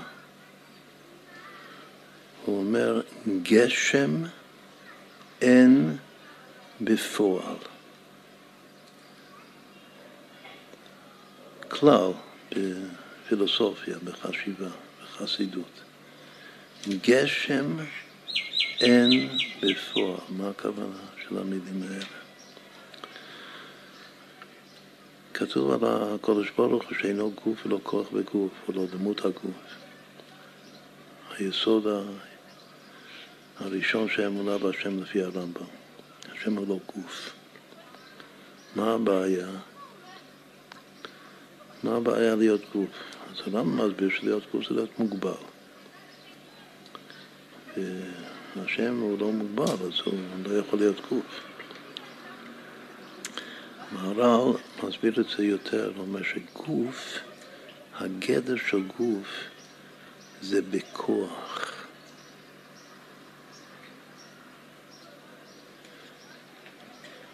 מה הכוונה? הגוף הוא יכול, הוא מסוגל, אם הוא יעבוד קשה, להפיק ולהוציא מעצמו את כל מה שיש לו בכוח עד שזה יהיה בפועל, שזה להגשים את עצמו. אבל כמו שהוא גשם גוף, הוא לא בפועל. מה הכוונה שהוא לא בפועל? גשם אין בפועל, זה הלשון שלו. ש... ש... הוא לא ממוצע, הוא לא, לא מיצה את עצמו. הגוף, בתור גוף, יש לו מה למצות, וכרגע הוא לא מיצה את עצמו. זוהי משהו מאוד מאוד יפה, הוא לא קושר את זה לזכר ונקבה, אבל ידוע בזוהר הקדוש, שהרבה פעמים כתוב שאברהם ושרה זה כמו נשמה וגוף, זה לא, זה לא לגריותא. כתוב שלעתיד לבוא הנשמה תיזון מהגוף, השורש הכלים זה יותר גבוה מהשורש של האורות. לפי המערה הזה, הכוונה שגוף זה פוטנציאל.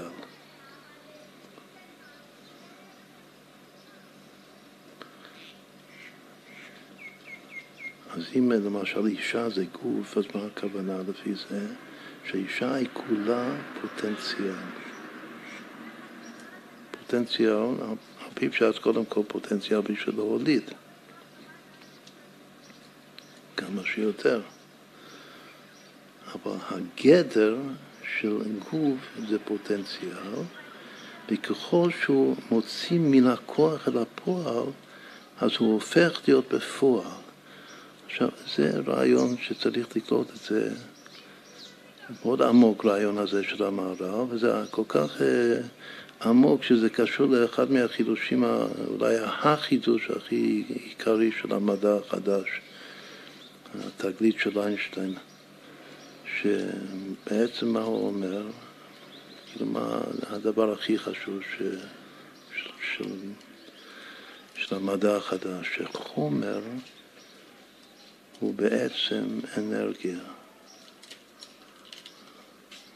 אבל כרגע הוא בצורה של חומר, אפשר להפוך אותו לאנרגיה. אם מתבוננים יפה, עמוק בדברי המהר"ל, זה בעצם מה שהוא אומר. זאת אומרת, אנרגיה משוחררת, שזה רק אנרגיה, אנרגיה גם לאו דווקא משהו גשמי, זה רוחני, אז זה נקרא בפועל. האנרגיה הוא הבפועל, אבל הגוף עוצר את זה עם העין, אבל ביחד עם זה הוא עוצר את זה שעכשיו יש כאן פוטנציאל של להפוך להיות בפועל. אז הוא בכוח. זאת אומרת, הוא חומר. החומר הוא בכוח להיות אנרגיה. זה הפלא ופלא, זה לפני מאות שנים, ככה המהר"ל מעריך בזה. הוא דווקא מעריך בזה על, ה, על הסוגיה שלנו. שהוא אומר ששלושת הדברים האלה זה שלושה אופנים להפוך כוח לפועל, כלומר להפוך חומר לאנרגיה רוחנית. מי שהפך את כל הכוח שלו לפועל, שהוא מצד, הוא הגשים את עצמו באמת. כאן הגשים זה ההפך מהמילה גשם. אז הוא, הוא כבר הגיע לתכליס, הוא חי חיים נצחיים. זה מתאים לפירוש שלנו שעמל תורה זה יעקב אבינו. שדווקא יעקב אבינו כתוב שיעקב לא מת.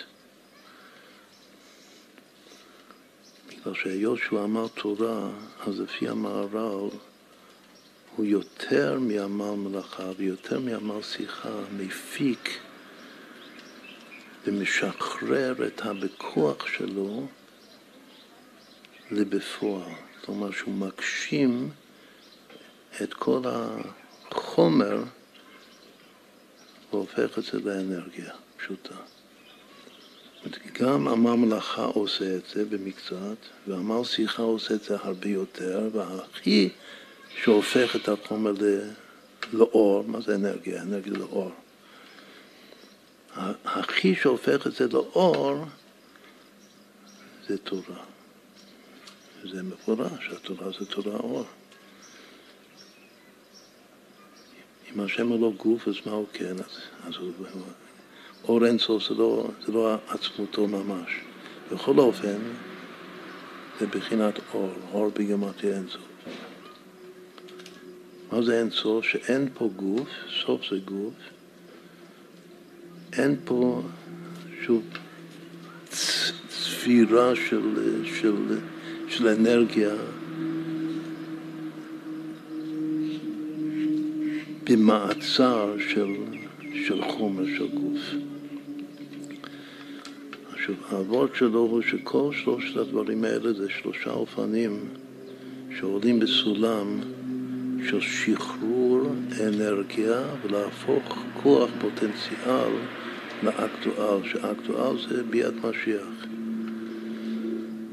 ומי שהכי עושה את זה זה התורה, ואם אנחנו הקבלנו את זה לעבוד זה יעקב אבינו, ולכן מתאים מאוד שדווקא יעקב לומד. עכשיו נמשיך ונחזור הכל תלוי, זה גם מאוד מעניין שבמאמרים, גם של הרבי הקודם, גם של הרבי, העיקר האריכות של המאמר זה על, על עמל מלאכה, על הראשון, שלכאורה זה, זה לא עומד במסקנה של הגמרא. אבל זה העיקר הנושא, להסביר את זה. השם ברא את העולם גם עם מלאכה. מלאכתו אשר עשה. מצד אחד כתוב שהשם עושה בלי מאמץ, בלי מהמלאכה. אבל זה שהוא צמצם, זה שהוא ברא את העולם בשם אלוקים ולא בשם הוויה. יעלו את שם הוויה כי הוא נברא, כי הוא אמר ונבראו. אם הבריאה הייתה משם הוויה, הייתה בדרך ממילא רק גילוי ההיעלם, לא היה מציאות תחתונה של דברים שמרגישים את עצמם יש ודבר נפלא בפני עצמו. הכל היה רוחני ואלוקי, כמו בעולם האצילות. זה לא הכוונה של השם. בשביל לברוא את העולם כמו שאנחנו מרגישים אותו, לתת לנו, לתת לנו מלאכה, אז הוא כביכול גם היה צריך לעשות מלאכה, שזה המשמעות של שם אלוקים של מעשה בראשית, של צמצום, כאילו לעבוד קשה. לכן יש דברים שכתוב בגמרא שגם לקודש ברוך זה קשה כקריאת ים סוף. איך זה יכול להיות שיש משהו קשה לקודש ברוך הוא? קשה זה סוד, ה... זה סוד המלה... המלאכה. המלאכה זה בשביל שאנחנו נעשה עבודה, לתת לנו עבודה לעשות, וזה מעגל חוזר, שככל שאנחנו עושים את המלאכה שלנו, אז הוא ממשיך לעשות את המלאכה שלו בגלוי, שאנחנו רואים את המלאכה שלו, עד שהסוף הוא דירה בתחתונים. המלאכה זה לעשות תחתון, ואצלנו להפוך את זה לדירה, שהוא ייכנס וזה יישאר תחתון, לתוך התחתון הזה שלנו.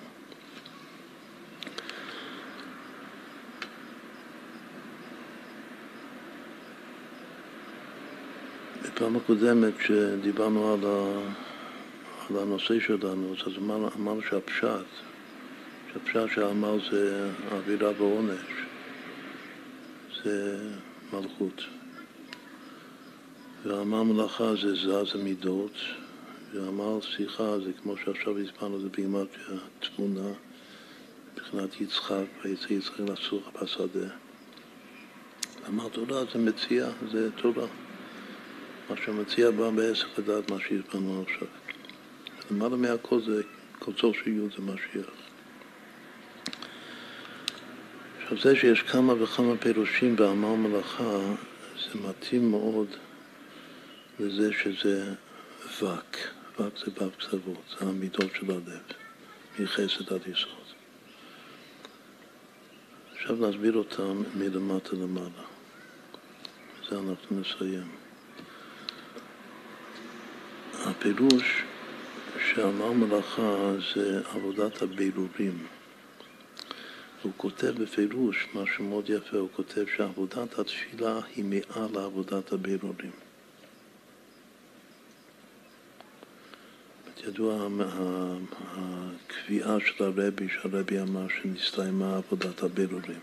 ואז השאלה מה, מה עכשיו. אז לפי המאמר הזה יוצא מפורש שלהתפלל זה השלב הבא אחרי עבודת הבירורים. אז אם נסתיימה עבודת הבירורים, מה יש לעשות? להתפלל. להתפלל על מה? משיח שיבוא משיח תכף מיד ממש. כבר מזמן הגיע הזמן. סימן שאמר תורה זה עוד יותר גבוה מזה. אנחנו תמיד מסבירים שעבודת ה... העבודה שאחרי הבירורים זה נקרא ייחודים. וזה בעצם תפילה. כל הכוונות של התפילה, אמרנו כאן תפילה זה העבודה שבלב. הכוונות של התפילה זה לעשות ייחודים. אז מה זה אמר תורה לפי זה? זה יותר גבוה מעבודת הייחודים. אמר תורה זה פשוט גילוי האחדות הפשוטה. זה גם כן וורט בפני עצמו מאוד חשוב מה, אנחנו, מה זה ללמוד תורה. ללמוד תורה זה לא בירורים, זה לא להוציא ניצוצות, זה גם לא ייחודים, לעשות זיווגים. תפילה זה התופר כלי חרס, לעשות חיבורים. תורה זה פשוט אחדות. כמה שהתורה היא אה, מורכבת ממיליון פרטים, מאין ספור פרטים, הרמות אין מספר, אין סוף הלכות. היא הנותנת, דווקא בגלל הרמות אין מספר. אז עצם העניין של התורה היא אחדות פשוטה. אצל רב אייזק מהום על אחדות פשוטה, כך הוא קורא לה, במה שאחר כך אצל הרבים השתרש הביטוי עצמו של, רוצים להדגיש שהשם בעצמו זה יותר אפילו מאור, מה שאמרנו קודם, אור אין סוף. אז מדברים על עצמותו יתברך, וגם זה, זה לא יכול למצות את השם בכלל. אצל רב אייזק העצמות זה אחדות פשוטה. תורה זה אחדות פשוטה. ותפילה זה ייחודים, חיבורים, ומצוות וכל העמל מלאכה זה בירורים. עכשיו, הפשט של בירורים זה בכל דרכך דאו, זה דווקא בירורים מהחולין. שוב, אני אוכל ואני שותה עם מודעות אלוקית.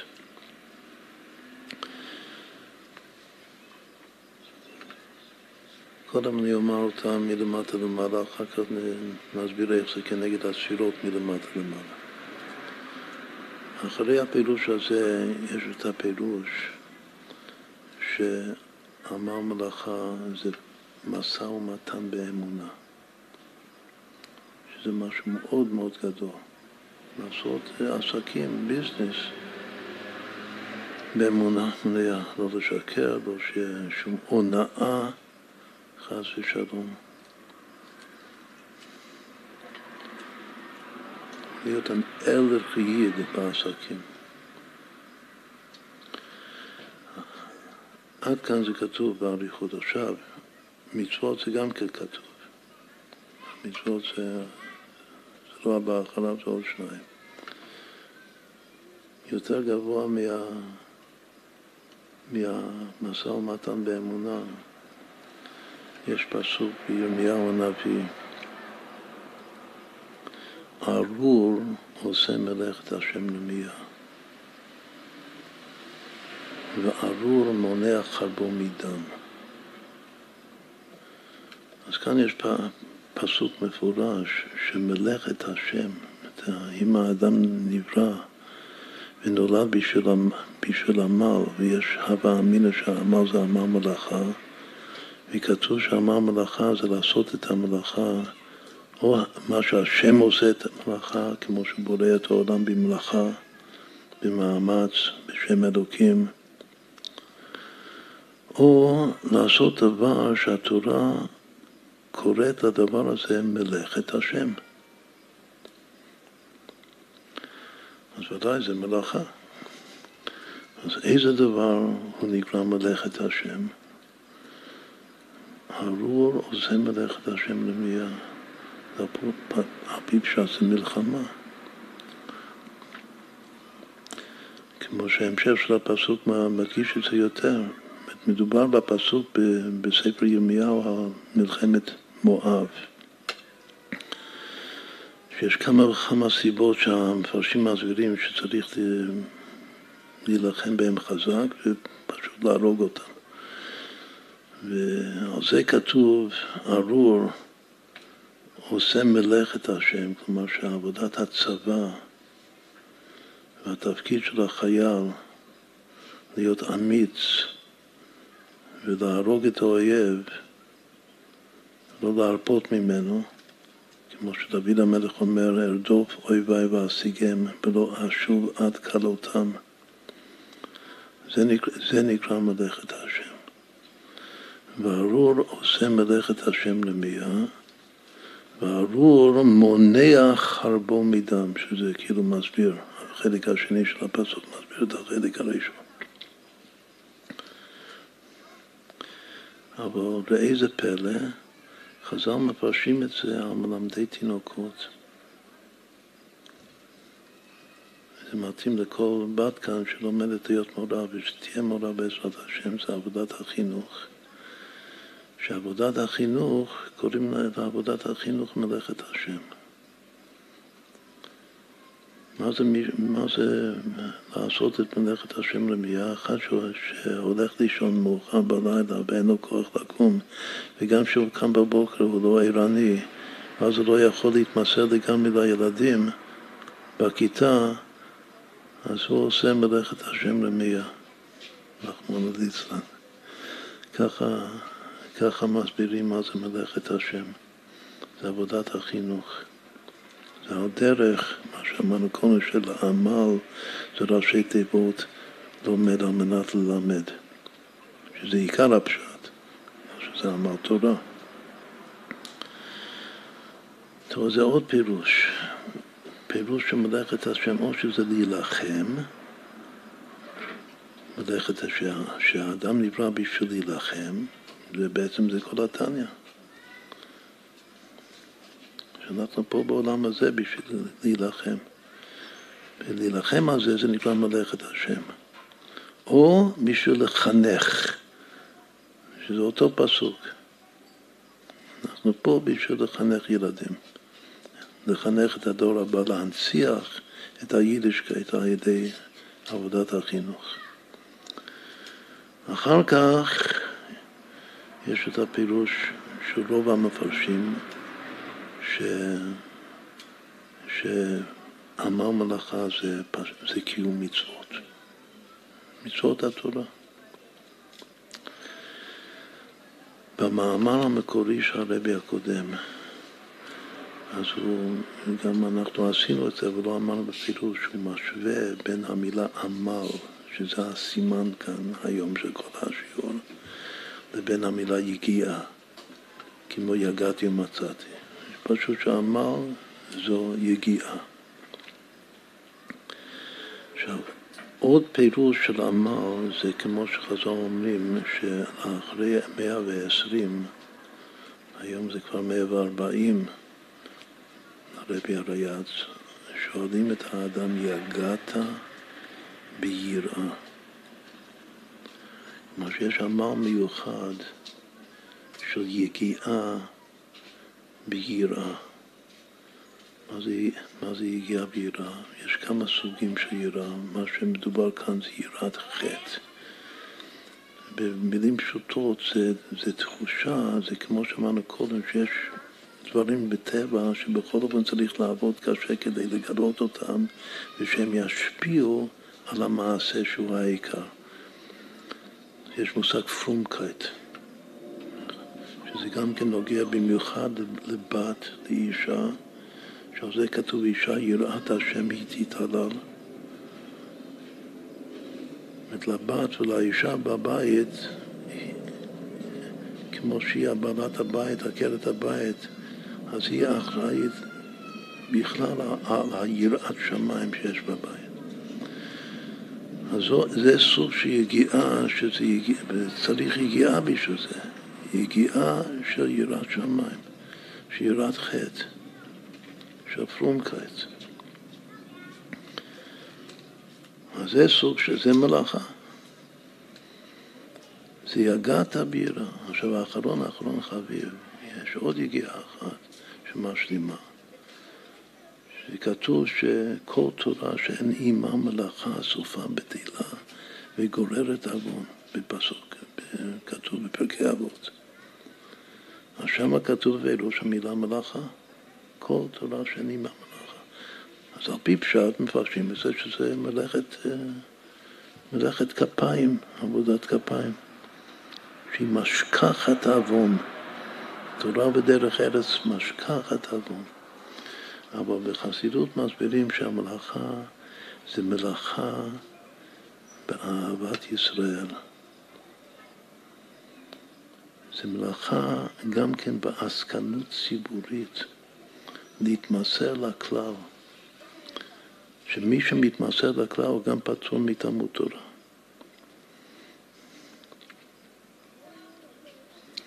אז מה שאמרנו עכשיו, זה עכשיו הסיום, אמרנו בקיצור שישה פירושים מלמטה למעלה, שמה זה, זה המלאכה. קודם צריך אמר מלאכה, אחר כך אמר שיחה, שזו תפילה. ואחר כך אמר תורה. ומכל העמל הזה הם באים למשיח, שזה הכתר, שבא בעסק הדת. היות שאמר מלאכה זה כנגד המידות, וזה יש ו', קצוות, אז אמרנו עכשיו שישה פירושים שמובאים. מה זה העמל? מלמטה למעלה. כלומר, מיסוד עד חסד.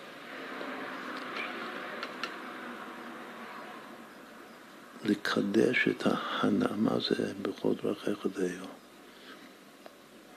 מה זה לאכול לשם שמיים? גם שיהיה לי כוח וגם לעשות ייחוד כאן, שהעיקר אצלי שזה האלוקות, זה לא הקבלת הנאה מהאוכל, מה שלא יהיה.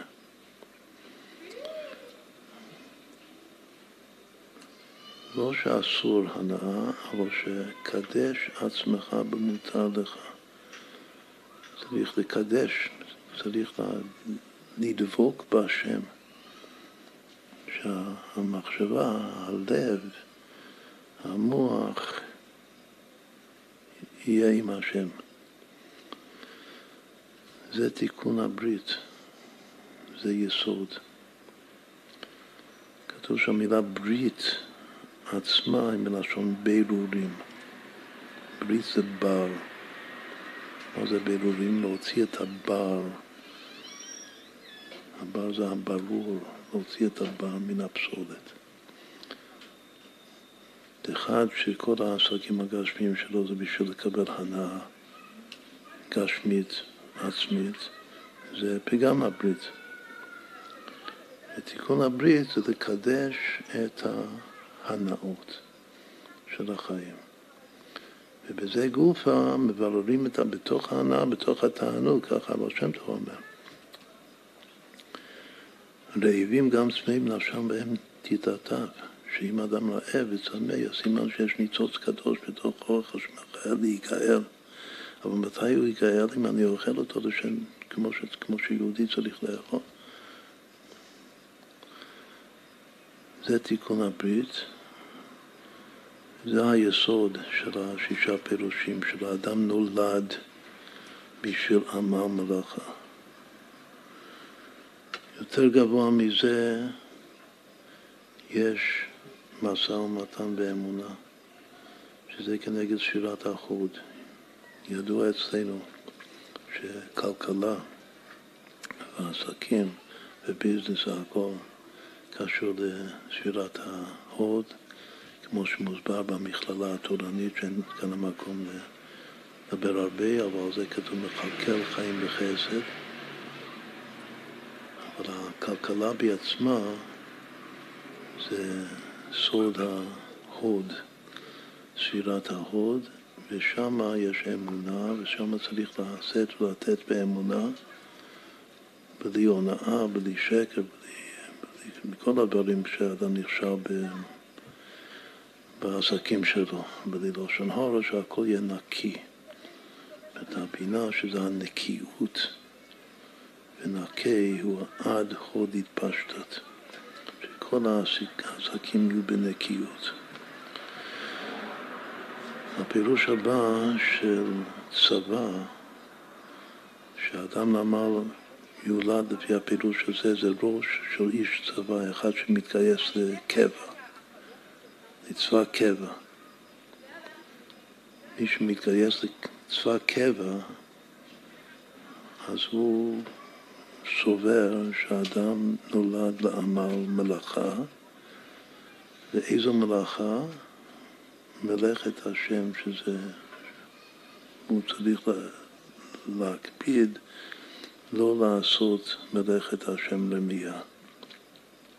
עכשיו, סתם צבא ואיש צבא ומנטליות של צבא זה ניצחון, זה דיד הנוצח. השם צבקות זה השם של ה... של, ה, של הנצח. עכשיו, כאן נבין לעומק איך הזוהר לוקחים את המושג הזה, מלאכת השם, שזה הולך על ולהרוג את האויב, והופכים את זה למחנך, למורה בכיתה. אז קודם כל, מי האויב? אם זה השם, זה הרבי תמיד הדגיש שהאויב זה היצר הרע. צריך באמת, עם כל הכוח להרוג אותו. את היצר הרע. זה תפקיד. זה, זה ההבדל בין מורה לבין מחנך, כמו שמוסבר בכללי החינוך וההלכה. שהתפקיד של כל בת שהיא תהיה מורה זה לא רק להיות מורה, זה להיות מחנכת, ומורה זה אחד שמעביר ידע, זה לא העיקר. העיקר זה לחנך, שזה מלחמה כבדה, זה לחנך לתקן את המידות ולהרוג את האויב. שזה היצר הרע, יצר החניך. וגם שהכל יהיה, כל העמל הזה, כמו שאמרנו קודם, זה יהיה בן של אשר, זה יהיה בכיף. עכשיו, גם כמו שכלכלה אצלנו זה בהוד, איפה חינוך? מי זוכר? חינוך זה הנצחה, להנציח את הדור הבא, זה בנצח. זה בדיוק מתאים, שהפירוש הזה של מלאכת השם כשאדם נברא בשביל עמל מלאכה זה הפירוש של הנצח. הפירוש הבא זה ש, שהמלאכה זה כל המצוות של התורה, כל תרג מצוות התורה. זה בתפארת, כמו שגם תמיד מוסבר אצלנו שתרי"ג מצוות זה תפארת גופה, זה נקרא גופה דאורייתא. תפארת יש הרבה ענפים, הרבה פורות, תפארת זה לשון פורות, פורות זה ענפים. וכל מצווה זה ענף, וכל מצווה זה עצה טובה, תרי"ג עיטין, וזה הכל מרוכז בתוך אה, שירת התפארת. לכן, ב... כמו בתיקון דל שבוע, שאומרים את כל התרי"ג מצוות אפילו בקיצור, אז זה תיקון ספירת התפארת בנפש. שני הפירושים הבאים זה הכי פשוט. הפירוש של יגעת ביראה זה גבורה, גבורה היא היראה. והפירוש של מלאכה, הכוונה זה מלאכה באהבת ישראל. זה השתדלות. בנצח יש להיות איש צבא. זה להתגייס, מה שאמרנו הרגע, צבא קבע. זה נצח. אבל החסד כאן, כמו אברהם אבינו, זה המלאכה, ועל זה, זה אמרנו קודם שאברהם הוא אמר מלאכה. זה שהוא מקדיש את החיים שלו, קוראים לזה השתדלות. הוא כל הזמן משתדל בעד עם ישראל. הוא איש ציבור, דואג לציבור. זה, זה המלאכה של כל תורה שאין עימה מלאכה סופה בתהילה וגוררת עוון. ואם יש כן מלאכה, אז היא קיימת, התורה. את התורה זה חוכמה. אז יש בזה קו ימין. למעלה יש חוכמה שזה תורה, למטה יש חסד שזה השתדלות והתמסרות לאהבת ישראל. ולמטה מזה יש צבא ממש להילחם נגד אויבי ישראל, לנצח אותם. וגם לחנך את הדור הבא, שהמשך לעם הנצח. אז עד כאן עשינו פרצוף אה, של אבק של עם המלאכה, ולכן אפשר להבין למה דווקא בעם המלאכה יש הרבה אריכות במידושי החסידות. ומהעם המלאכה באים למר שיחה, מהמר שיחה באים למר תורה, כמו שאמרנו, מזה באים למשיח. אז שיהיה משיח נר בזכות הגאולה של הרבי הקודם, שנזכה לגאולה האמיתית והשלימה, עד יהיה משיח צדקנו תכף מיד ממש. עכשיו אמרו שייתכן שיהיו אה, שאלות. כאילו שאלות לא מכאן, שאלות מה... מכל הבנות שלא, שלא זכו להשתתף כאן. מה? לא? בסדר, יופי. אז עד כאן. בסדר, שיהיה חג שמח, המשך חג שמח. למשיח נער.